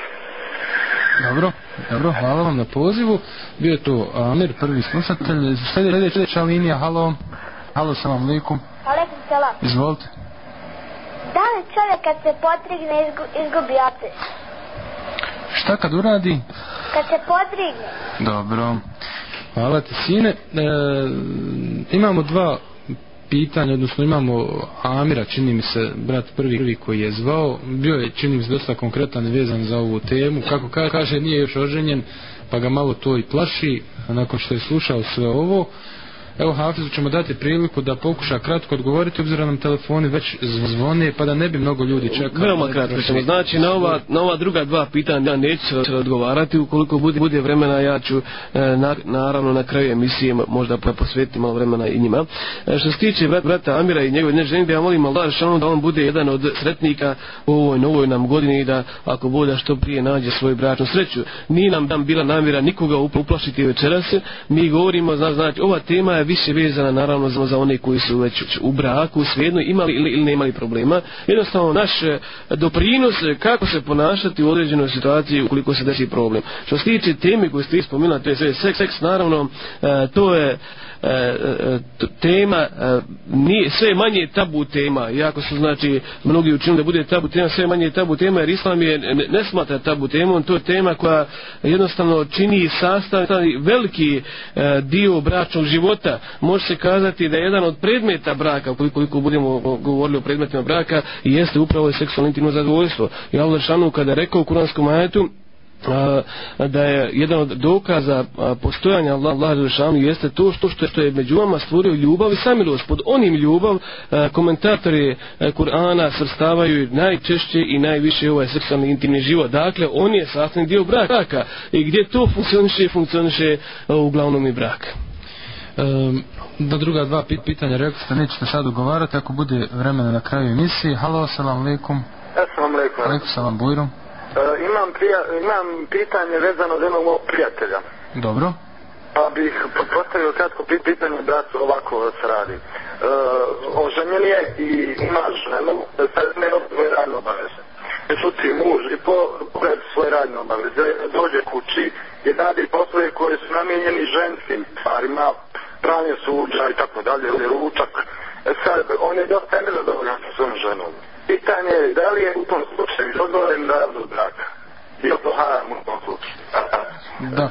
A, a, brate, Možda li zadnji dio pita? Jako sad signal, evo, i pre, prekinula se veza. Brat, vjerovatno s mobilnog zvao i bio je negdje gdje je slab signal. Ako može da ponovi samo zadnji dio pitanja? Naravno, zadnji dio pitanja jeste veoma bitan. Ja, ja ga nisam zaista na kraju razumio, pa zbog toga nisam... Ostavit ćemo, pozivam ovog brata da ponovi, da, da bude na dobrom signalu, da vam se ponovno javi kako bi samo završio svoje pitanje, da bi Hafez dao odgovor. Sljedeća linija, salam alaikum. Alaikum, salam. Izvolite kako ste? Dobro, hvala Bogu. Uvijek je zadovoljstvo ovoga Hati za Fendiju slušat.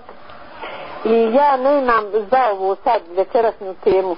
I mene samo interesuje ako mi je danas podne ostalo, jer Indija je dodošla, kad dođe da klanjam, šta trebam prije klanjati? Kindiju, pa podne ili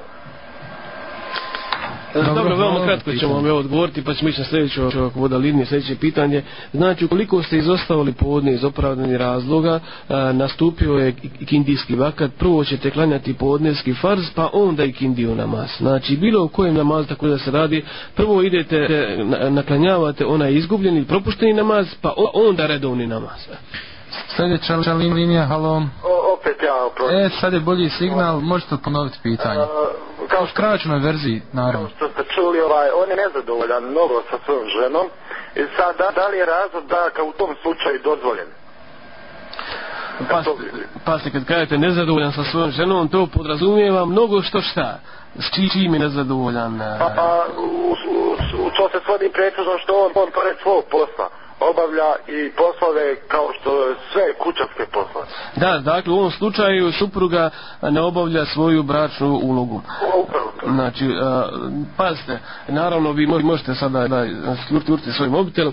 Ja smatram a, i na osnovu što smo iznili ovde da prije a, razvoda braka ima milion načina da se problem a, riješi. Bitno je šta je najvažnije. Najvažnije je jednostavno locirati problem, a, postaviti postaviti se na, a, a, razgovarati o problemu. Naš najveći problem kod braći drugova jeste što se oni e, o svom problemu žale drugima prije nego što se požale svom e, partneru.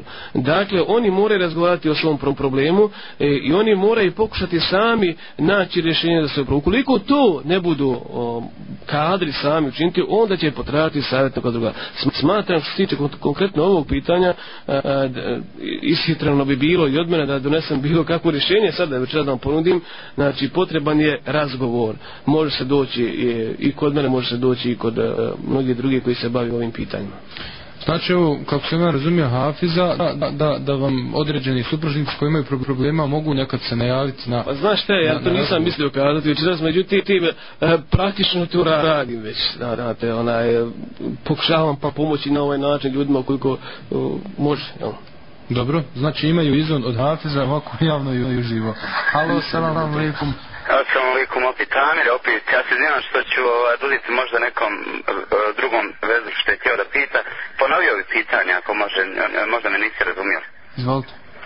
Pitanje glas obzirom u vaktu kojim živimo. Zanima me mišljenje Hasa Efendije čiju uh, eh, predavanju čast stvarno cini. Uh, znači seks prije braka seks prije braka, to... E, odlično, mi nismo čuli to. Zaista ja, ja. nisam, nisam čuo prije, pa me zbog toga onaj... Aj, aj. Ava, jer, e, rekao je da je seks ključ braka. Zanima me, mislim, znate u kakvom vaktu živimo, što se dešava, samo njegov mišljenje da nam malo pojasnim. Eto, hvala. Na, naravno, ja bi vas uputio o, na jednu na nekoliko članaka koji govore na ovu temu pod istim ovim nazivom da otiđete na jedan od pretraživača na Google recimo na internetu i da a, ukucate upravo ove riječi koje se sad izgovorili seks prije braka i da pod tom temom naiđete na zaista a, jedan divan članak jedan divan članak a, a, na koji sam ja naišao i koji me je zaista zaprepastio radi se o jednoj o jednom bračnom terapeutu iz Hrvatske a, jedna gospođa Nevenka čini mi se mi se ne znam tačno, e, koja je napisala e, prelijepe stvari na ovu temu. Naravno, ona njuko slučaj ne odobrava ga, kao što ni naša predivna vjera ne odobrava e, seks prije braka, jer on nikada ne može donijeti dobro supružnicima u braku. Oni koji se odluče na taj korak, odlučuju o, o, o, jednostavno odlučuju se na put na kome ih čeka nesreća sutra u braku. E, muž, e, muž koji je imao seksualne iskustva iskustvo prije braka, ukoliko se upusti u e, bračnu e, u brak sa suprugom e, koja nije imala takvo iskustvo prije braka, među njima ukoliko se nije pokajao, doće se sigurno do problema. Međutim, problem također e, nastaje kada muž ponekada misli da evo ja sam imao takav seksualni život prije braka, prošao sam svega i svašta, E, sada ću se oženiti sa jednom finom djevojkom, djevicom, jel, obavezno to, to tražimo. E, I pomisli da je zaista tako ženio. Isto na, nakon određenog vremena iznenadi se i vidi da i ona je imala takih problema. E, pazite, Islam je pravedna vjera. Islam je pravedna vjera. E, is, Allah šao ne, neće dozvoliti da neko nekoga e, vara. Dakle, ukoliko e, je žena imala takvo iskustvo prije braka, vrlo često, uglavnom biva da je da dobiva muškarca koji također ima takvo iskustvo osim ako se jedno i drugo ne pokaju. Hoću da skratim i da kažem da što se tiče naše vjere, što se tiče islama, islam upravo radi zaštite braka, radi zaštite tog intimnog seksualnog života i radi budućnosti porodce i njihovog potomstva ne dozvoljava intimne odnose prije braka. Imam jedno Hafiz Efendija pitanje, dokad ćemo mi e, slušati šta nam e, nevenka i nevenke iz drugih zemalja ili drugih kontinenta govori i dok ćemo se diviti kako je e, to blisko onome o čemu nam govori Kur'an i Sunnet. Pa pazite, nekada je, e, nekada je to jednostavno e, dobro navesti samo da potvrdi ono što, što mi, mi navodimo jer ne, mnogi ljudi kažu pa čak sam neki dan čuo kad mi čovjek kaže, kaže pa dobro to Allah kaže, sunnet kaže ima šta da, da je to naučno potvrđeno znači. i onda je nekada takve e, ljude dobro uputiti, evo ima divan tekst na tu temu od toga, od toga jer e, ruku, ruku na srce oni često puta vjeruju više, više njima nego nama, ja ne kažem da ovaj naš slušatelj e, tako pojma stvari, naravno ne mislim na njega, nego kažem da u našem narodu ima takvi ljudi. Ali nema također ništa lošo u tome da kažemo da je i jedna gospođa Nevenka došla do tih saznanja e, koji nama vjernicima kada to čimo samo pojačava još vjeru i još više se ubijedimo u, u svo, ispravnost svoje vjere koje, koja govori o ovim pitanjima. Dobro, e, telefon je dalje aktivan, odnosno je slobodne su linije trenutno obje, koliko ja vidim 032-736-630 i 736-631. Poštovani slušalci, sa nama u studiju u emisiji Oaza imana je Hafez Sanajd Zajmović, a govorimo o braku, odnosno naša tema sa kom smo počeli, naslov jeste najčešći bračni problemi i umjetnostnost pristupa tim problemima. Obradili smo više od 70% plan, planiranog, a, planirane materije za večeras. A, došli smo do, do jednog dijela koji govori o pomoći u rješavanju tih problema, no nekoga imamo već na liniji. Poslušat ćemo ovog slušatelja ili slušateljku, pa naravno kasnije odgovoriti na to pitanje, eventualno nastavit će se temom. Halo. Halo, e, e, assalamu alaikum. Alaikum salam. Zove mi Sarajeva. Izvolite. Pa, htjela sam pitati za jedan problem u braku. Ovaj, recimo, ako je suprug e, jako škrt i ako ne, nema načina kako da, da, da, da to spriječimo, kako da, iznudi, kako da se iznudi od njega novac, za recimo neke osnovne stvari, za odjeću, za obuću, koje su stvarno potrebne ono u ženi, nije nikakvo šta sad opredivanje. Razbacivanje. Da. Dobro, hvala vam na, na pozivu, na pitanju, sljedeća linija, hvala. Dan, alaikum. Alaikum selam. Ova, ja pitala samo sklapanje braka, da li je to određeno sudbinu? Ova, da li je, na primjer, određeno svakom tim se žire do kraja života? Samo su tu. Dobro, hvala vam. Mm, ovo ima veze sa kaderom i sa sudbinom. Sestra je sigurno slušala jednu od hafizovih oaza imana u kome smo detaljno govorili o kaderu i o sudini. Imamo dva pitanja, Burum Hafiz Efendi odgovorite, a, a, a vi poštovani slušalci dalje možete zvati 032 736 630 i 736 631. Dakle, ovaj problem škrtosti je prisutan problem, interesantno je bio prisutan u vrijeme poslanika, ali selam, kad se Hind požalila poslaniku, ali selam, na Ebu Sufijana, kako je škrti, kako nije e, bio spreman, znači, izdvojiti za njene e, potrebe.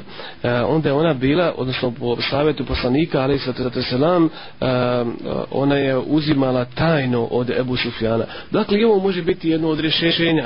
E, uvijek prilazimo prije sve oni poslaničkom rješenju problema, A, dakle, ukoliko je muž škrt ili supruga druga škrta, i to je zaista problem koji postoji, a, znači, suprug ili, ili supruga a, mogu a, svoje potrebe zadovoljiti i uzeti onoliko koliko im treba tajno, u slučaju da im je to dostupno. E, međutim, e, pošto često puta ni to tajno nije moguće će urati zato što oni znaju to dobro, dobro zaključati ili u sefu ili, ili držati na banki ili negdje, negdje na drugom mjestu e, u, u tom slučaju je e, potrebno e, problem makar umanjiti znači nastojati ga prihvatiti tako kakav jeste i e, zadržati ga u tim granicama a zatim e, pokušati taj isti problem e, primijeniti na njemu samom ako je škrt prema, prema suprugi onda supruga treba da učini si sve da bude, bude budeš krt i prema onim zabranjenim haram stvarima o kojima smo malo prije govorili.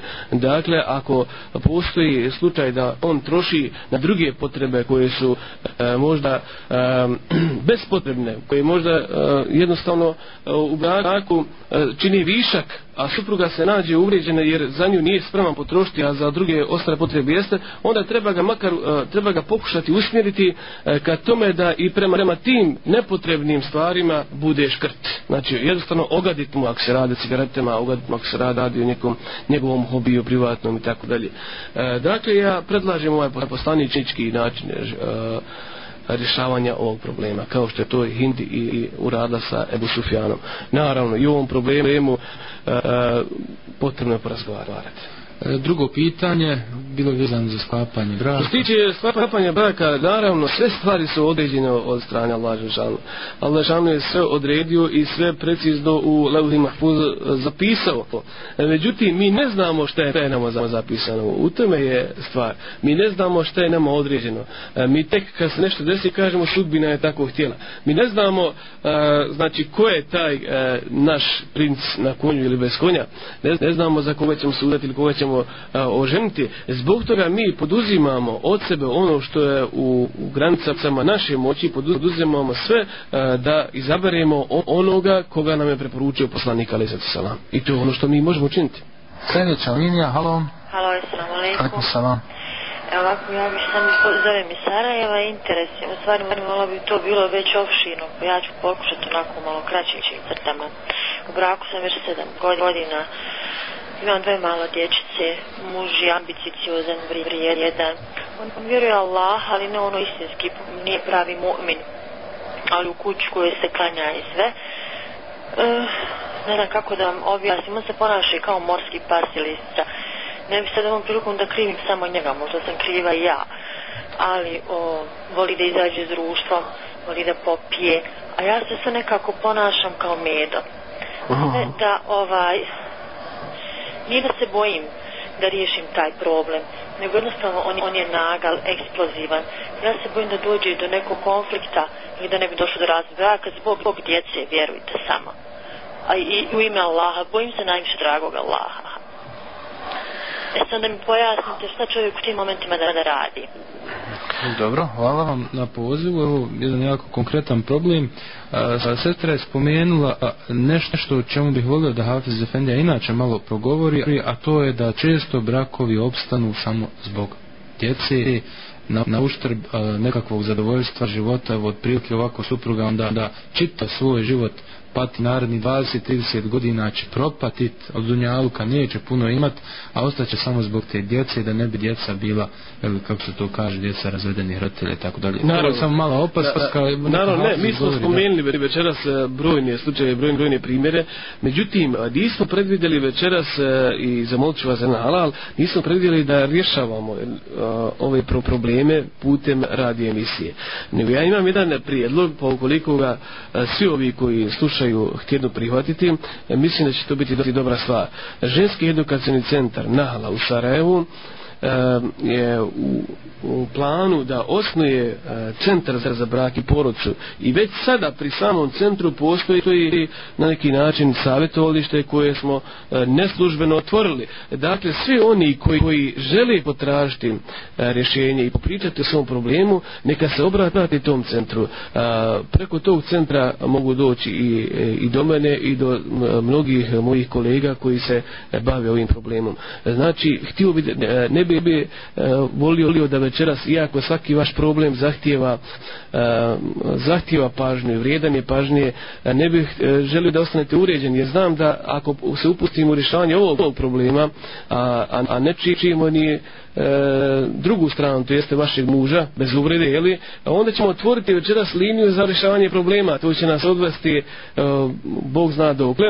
E, ja sam spreman, znači, doći i isto kao što je i ovaj centar spreman da, u, da vam ustupi svoje, svoje prostorije, da dođete gore, jer nedavno je održan upravo seminar e, koji je govorio na ovu temu. Održan je seminar e, u Nahrije, ženskom edukacijalnom centru, e, koji je govorio na ovu temu i mi smo na neki način otvorili e, upravo ovim seminarom otvorili otvorili smo te prostorije za rešavanje bračnih problema. Pa, bujrom gore.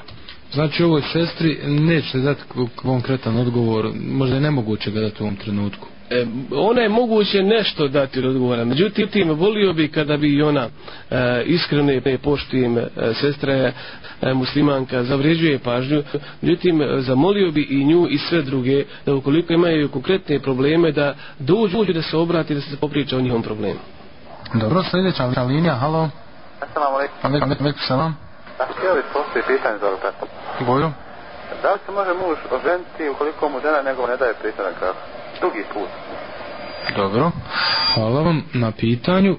E, bujdom Hafez Efendija da čujemo sad. Dobro, ovo je problem koji se može eh, odgovoriti, znači opći je problem.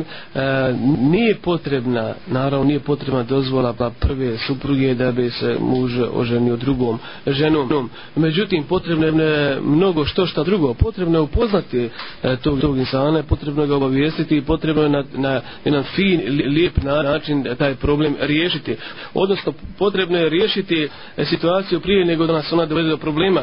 E, dakle, e, procijenimo kao što poslanik Kresman kaže vjernik je inteligentan i pronisljiv znači pokušajmo pretpostaviti e, šta se sve može desiti ukoliko taj korak napravimo ukoliko e, znači već pretpostavimo da će nam samo to dobro i hajer donijeti u našoj porodici naravno da ćemo se odlučiti za taj takav korak međutim ukoliko će nam taj e, korak kakve donijeti još veći problem u bračnom životu i jednostavno pretvoriti bračni život u džehennem dunjalnički, onda naravno mislim da nije pametno upuštati se u tako nešto. Dakle, čovjek treba, treba da izvaga sve pozitivne i negativne strane takvog jednog koraka prije nego se na njega odluči. Pogotovo, mislim, preporučiti ovdje da pogledamo iskustva svih onih dosada koji su to učinili. Sljedeća linija, halo. Halo. Izvolite. Assalamu alaikum. Aleikum assalam. E, želim prvo da vam kažem da vas Allah nagradi za ovu emisiju i jedno pitanje. Bojro. Ako u brak sam za 12 godina, ja lahom uputom prije 3 godine sam počela klanjati i pokrila sam se u prošlom dana. Muž nije na namazu. I onda, znate, nastanu problemi posle odnosa tih intimnih kupanja i sve to. E, kako to riješiti? Čekate lahu uputu muža ili koliko, koliko biti srpljiv u takvom braku? Dobro, hvala vam na pitanju. U stvari, ovo je još, još jedan da kažemo lični konkretni primjer koliko je moguće odgovoriti u emisiji pa moguće je ovo što se tiče općenitog dijela odgovoriti a to je da e, u ovakvim slučajima obično se preporučuje e, da muž se posavjetuje sa osobom koja je ili jednostavno da mu se pošalje osoba ko, u koju on ima povjerenja mm znači osoba od ugleda, osoba koju, e, s kojom je on dobar u dobrim finim odnosima, a osoba koja ima jednu vjersku pozadnju, ima vjersko znanje. Znači potreba da mu on ukaže na to i mislim e, da je, da je, uglavnom se ovi problemi lahko rješavaju. Sljedeća linija, halo. Salam alaikum. Alaikum salam. Allah pa nagradio ovaj, cijenjenim vašeg i našeg brata da ga Allah nagradi i svi u vas. Hmm. Ovaj, interesuje me uh, samo uh, lijepo je to uh, alhamdulillah da se može obratiti neko uh, da, da se je to osnovalo mislim da se može obratiti ti brakovi to ali šta ako čovek ono što se kaže On ne zna da ne zna. On neće da, da pripristane na to da ne zna. Mislim, kako može se to objasniti mislim. Da, mislim, mislim smo vas. E, ovo, ovo stoji kao problem da recimo muž iz nekog svog ponosa i ne pomišlja da se obrati neko savjetovalište, da ga tamo neki hafiz savjetuje ili neka hanuma, neka uh, neki psihoterapeut jer on je uspješan, on je biznisman, on sve zna i sad da se on tako ponizi negdje da ode dva sata da ga ne neko ubiži što treba što ne jeste, treba. Znači što je najveći problem? Najveći problem je e, e, čovjek dokaza da postoji problem u braku. Jednostavno ljudi se sažive, e, sažive se s tim i oni ne smatra da je ono što je za suprugu problem, za njega nije problem ili obrnuto. Dakle, u ovakvim slučajima preporučuje se dijalog utroje dijela gutre znači da ona osoba koja je zajednički prijatelj za supruga i suprugu da jednostavno onako um, um uh, iz daleka počnu govoriti o ovom problemu o problemima drugih da bi došli do njihovog konkretnog problema e, obično poznavajući e, potrebno poznavati ili tako tu psihu ljudi obično ljudi pri, pristanu na to a kada im se direktno počnete obraćati e, i, i, i optuživati da postoji problem među njima, naravno da će se oni to odbijati i ponašat će se kao morski psi. Da, ali o tome treba javno govoriti i čini mi se da Svakako. generalno kako se ta svijest podiže polako i ti ljudi to više ne smatraju. Svakako, ja mislim da, da, da, da mislim samo prilog, jednostavno uvod u sve što treba da uslijedi ako bude. Sljedeća linija, halo. Halo. Izvolite. Halo. Assalamu alaikum. Alaikum assalam. A, da, sam vas nagradi na večerašnjoj emisiji.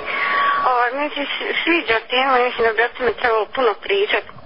Pogotovo što da primjećujemo, hajde, hajde, dobro, ti brakovi koji nije nisu, ono, pot, pot, mislanski, gdje jedan musliman, drugi, ni, mislim, ne, ne, ne troš, ne ukažnjava, ono, ne, islamske propise i tako to, to je problem, ono, već, ono, sam, mam od sebe.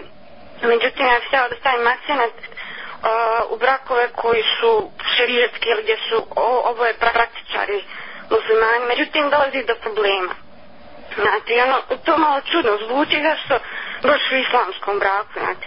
I ona, i onda se sam razmišljala o tome i skantala sam da je fazno u tome što se malo sledi sunet Božeg poslanika. Mislim da je on najuzorniji muž koji bi mogu uh, da bude i one opu kod nas se kako rijetko koristi, onda onda i žene i šta, znam, tako se neke stvari, ono, malo se obazire na pravi islamski brak. I ono, ne znam, e, slušao, bila sam nedavno emisija na, baš na, na radi na abici, o to, tom obavezi žene, obavezi muža i tako tim stvarima.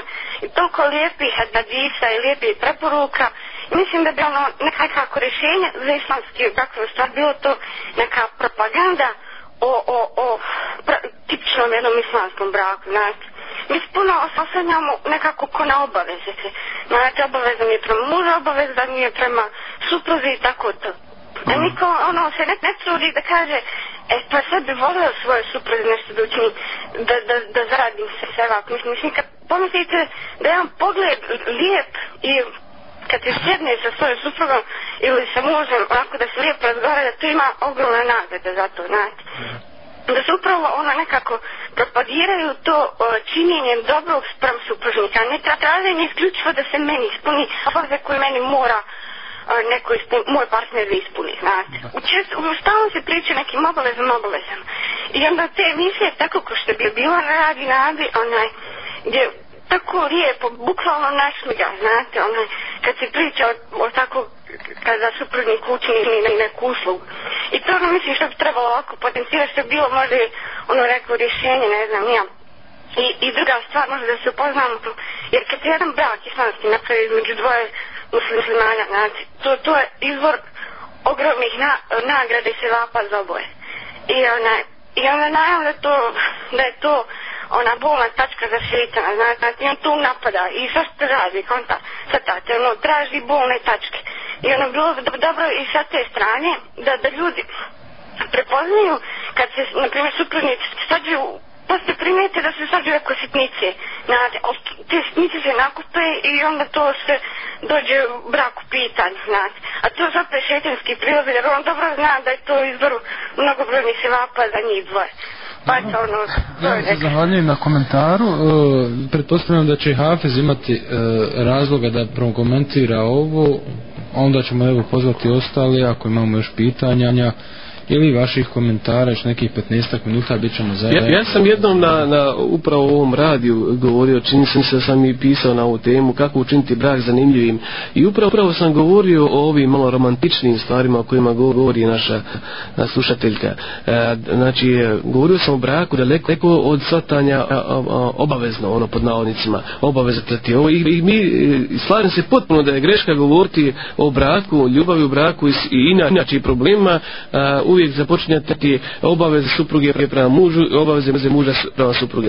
Ja to, to izbjegavam u svojim predavanjima, izbjegavam u svom pisanju. Smatram da je to e, jedna taktička greška a, e, koju i metodološka greška koju mi konstantno činimo u svojim predavanjima. Ona se svata brak kao, kao nešto preće službeno, nešto a, e, strogo, nešto, nešto u čemu jednostavno zabranjena je ljubav, zabranjena je intima, zabranjena romantika i sve ostale stvari.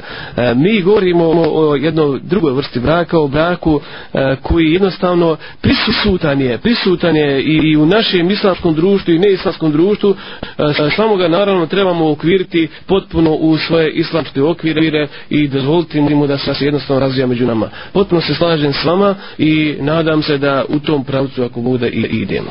736-630 i 736-631 nemamo još mnogo vremena ako imate pitanja ili želite dati svoj komentar na večerašnju temu telefon telefoni su vam otvoreni. S nama u studiju još ću jedno ponoviti je Hafiz Senajd Zajmović u oazi imana, a tema o kojoj večeras govorimo ima je jako aktuelna, reći ćemo ovako i vruća, o njoj se i nije baš govorilo mnogo do sada, najčešći bračni problemi i umjetnost pristupa takvim problemima. Nekoga imamo na liniji, halo. Halo, halo, salam alaikum. Alaikum, salam. Kako ste, ste se morali? Dobro, hvala Bogu, bujro. Evo ja zovem od pojence da kažem ovim sestrama što pitaju za bračnu vezu, ja sam se udala prije 40 godina. Da, da je ovaj vakat kako što je bio onaj vakat kad sam ja bila djevojka kad je saškovala kroz staklo i kad se nije moglo doći do dodira. A sada tu nema više nikakva smisla za život mi stari jedino poštujemo ima jer kaže Allah Đeršanu da je ostavio ikome da čini sve što to bila žena da čini svom čovjeku to Kur'an nalaže že tako a žena koja ima problema sa svojima mužima da im samo to pre prenese naprimjer to, to što kažeš ko je škrt ko, ko, ko je nervodan neka koje klanjaju ako ne klanja muž, ne mora doći on do sebe ako voda, ako ona klanja. Neka uči između far za akšam šamski 41 fatihu. Svaku noć, 41 noć. Mu, muž se, će, će se smekšati tako voda, nek na nijeti da joj klanja, on će ko buda početi klanjati. Ali sad ovo što se radi, sad, nema nikakva smisla za život. Oni, ako ulaze u brak, nisu kako to treba, jedna, jedna druga strana kura, a nalaži e, bludnik, nek ženi bludnicu, a bludnica da se uda za bludnika. A pošteni nek uzma poštenu djevojku, a poštena djevojka da ide za poštena momka. I tu je brak hajirli, sigurno. 100% su ti brakovi hajirli. A, a ovi koji nisu kako treba, oni se odma nasite jedni drugi dok se, dok, dok se već odaju. Evo po ulicama vidiš, ti god sad vidiš samo dvoje ljube, se ni se stide sve stari ljudi ni žena. Nema to smisla za života nikakvoga. I one ne mogu biti hajirli u braku. Oni se ona sađaju, on odma drugoj. Ona, ona drugu traži, zato što je navikla na to, a i ona navikla na to. E to ne, to nema smisla za život. A mi stare žene, mi vjerujemo Allah, Đelšanu i poštujemo svoje ljude. Ako je čovjek na vrata došao pa je ona vidi da je ljud, neko ona šuti, nek ništa ne priča. Neka ne pita ni gdje bio, ni što je se zabavio, ništa. Kad je čovjek raspoložen i sa njim fino priča. Tam. Pa će ako Bog da bita ili pa. Hvala vam da bude ako Bog da. A ili Havze Frefende imate pomagača, ne morate samo Hvala, vi razlagati. Da, da, da. Ovo, još jedan telefonski poziv i ostanom jako malo, ako ćemo zaokruživati temu, donesti neke zaključke, onda ćemo morati brzo i završavati. Hvala Halo, salam alaikum. Halo. Imamo li nekoga na liniji? Druga linija, halo. Halo. Izvolite. Salam alaikum. Alaikum salam. Svako dobro i da vam Kabulu piše kao rečeno. Hmm. Ovaj, ja sam nazvala to baš zbog ove nani koja je nazvala da nam obradujem da ima nas mladi, alhamdulillah. Da eto, živili smo u ovom vaktu i imamo, alhamdulillah, uspješne brakove. S tim što se otlanjamo na Allaha da ima Allahu i normalno uzor nam je poslanik sallahu lehe sallam nije to obaveza, to je blagodat supružnika prema supruzi ili obrnuto vjetniku tako da nama ne, ne optreće se s njim da nema alhamdulila te brakova, da nas nema koji se pridržajemo toga bez obzira mislim, eto ne treba to tako gledati dobro, eto još jedna, jedna stvar koja bi trebala da ohrabri imamo Hafiz još jedan poziv pa da polako onda privodimo kraju. Ako se Hafiz naravno slaže. Halo. Salam alaikum. Alaikum salam, izvolite. Ovako salam tebe, moje dibe i, i naše čuva. Bojrom, bojrom. Ovako, e, htio pitanje jedno. Bojrom. Eh, da li Hafiz smatra da je jedan od problema u brakovima i to da se prilikom sklapanja braka ne konsultuje i ne pita veli, dakle, zastupni, sami mladi, to je to jedna stvar. I druga stvar, dakle, Sama nezainteresiranost roditelja za porijeklom i mlade i mladoženje, od, odnosno e, nepoznavanje osnovnih stvari i podataka o mladoženji od strane same djevojke i njenih roditelja i svakako obrnuto. Dobro, pitanje je dosta jasno. Često su se kod nas djevojka ukrade. Ne znaju ni babo, ni mati, mati pomalo zna, babo nikako ne, ne zna, pa onda mama počne babo malo smikšavati a brak kakav već je i, i obavljeni i svi znaju babo zadnji sazna i tako dalje a babo je del tako Havze Fendija veli I, jeste, mada ja mislim da je sve manji brakova u kojima se koji se zasnovali na kraći, to je nekada bilo to je nekada bilo dok su babe bile babe dok su mame bile mame mislim da danas se nema potrebe za krađom jednostavno oni idu jednim drugim jednostavno preko noći je dovede ide i tako e, naravno ja sam ukoliko je slušatelj bio prisutan na početku emisije spomenuo sam ovaj problem E, o njemu sam sam prije pisao i govorio, mislim da je e, najveća greška danas, najveća greška danas u stapanju e, brakova i jeste to što se ne konsultuju velije, što se ne konsultuje staratelj, odnosno što se ne konsultuje roditelj. Tako, to je sa strane djece, a što se tiče roditelja također najveća greška je što svoju djecu prepuštaju sami sebe. Oni su jednostavno shvatili da um, prihvatili su navodno ovu pravu njihovu na slobodu. Svakako oni imaju prava sloboda, ali, ali u tom problemu im treba pomoći, jer to su još uvijek njima djeca. Oni, oni, oni nisu kadri, nisu sposobni sami izabrati sebi bra, bračnog druga, iako to oni misle. Uglavnom, e, pogledajte, uglavnom brakovi koji su, su zasnovani sami od sebe, e, e, većina ih, većina ih neslavno završi ili većina njih ima velike katastrofalne probleme u braku. Zbog toga se vratimo sunnetu poslanika Ali Svatu Salam koji nam je preporučio da, da, da konsultujemo svoga staratelja da nam on pomogne u traženju jer smatra se i normalno da stariji bolje poznaju lozu a, mladoženje ili lozu mlade, e, bolje poznaju njenu familiju, bolje poznaju a, e, njihove, a, e, njihovo socijalno i društveno stanje, njihove a, probleme koje, a, ako se eventualno imali te probleme i tako dalje. Sve nam to možete kako koristiti u sutra uh, u prilikom izbora bračnog druga. Dakle, smatram da bi uh, trebalo svi oni koji sebi žele sreću u braku, trebali bi da se konsultuju sa svojim starateljima uh, i staratelji jednostavno da im pomogli na tom putu.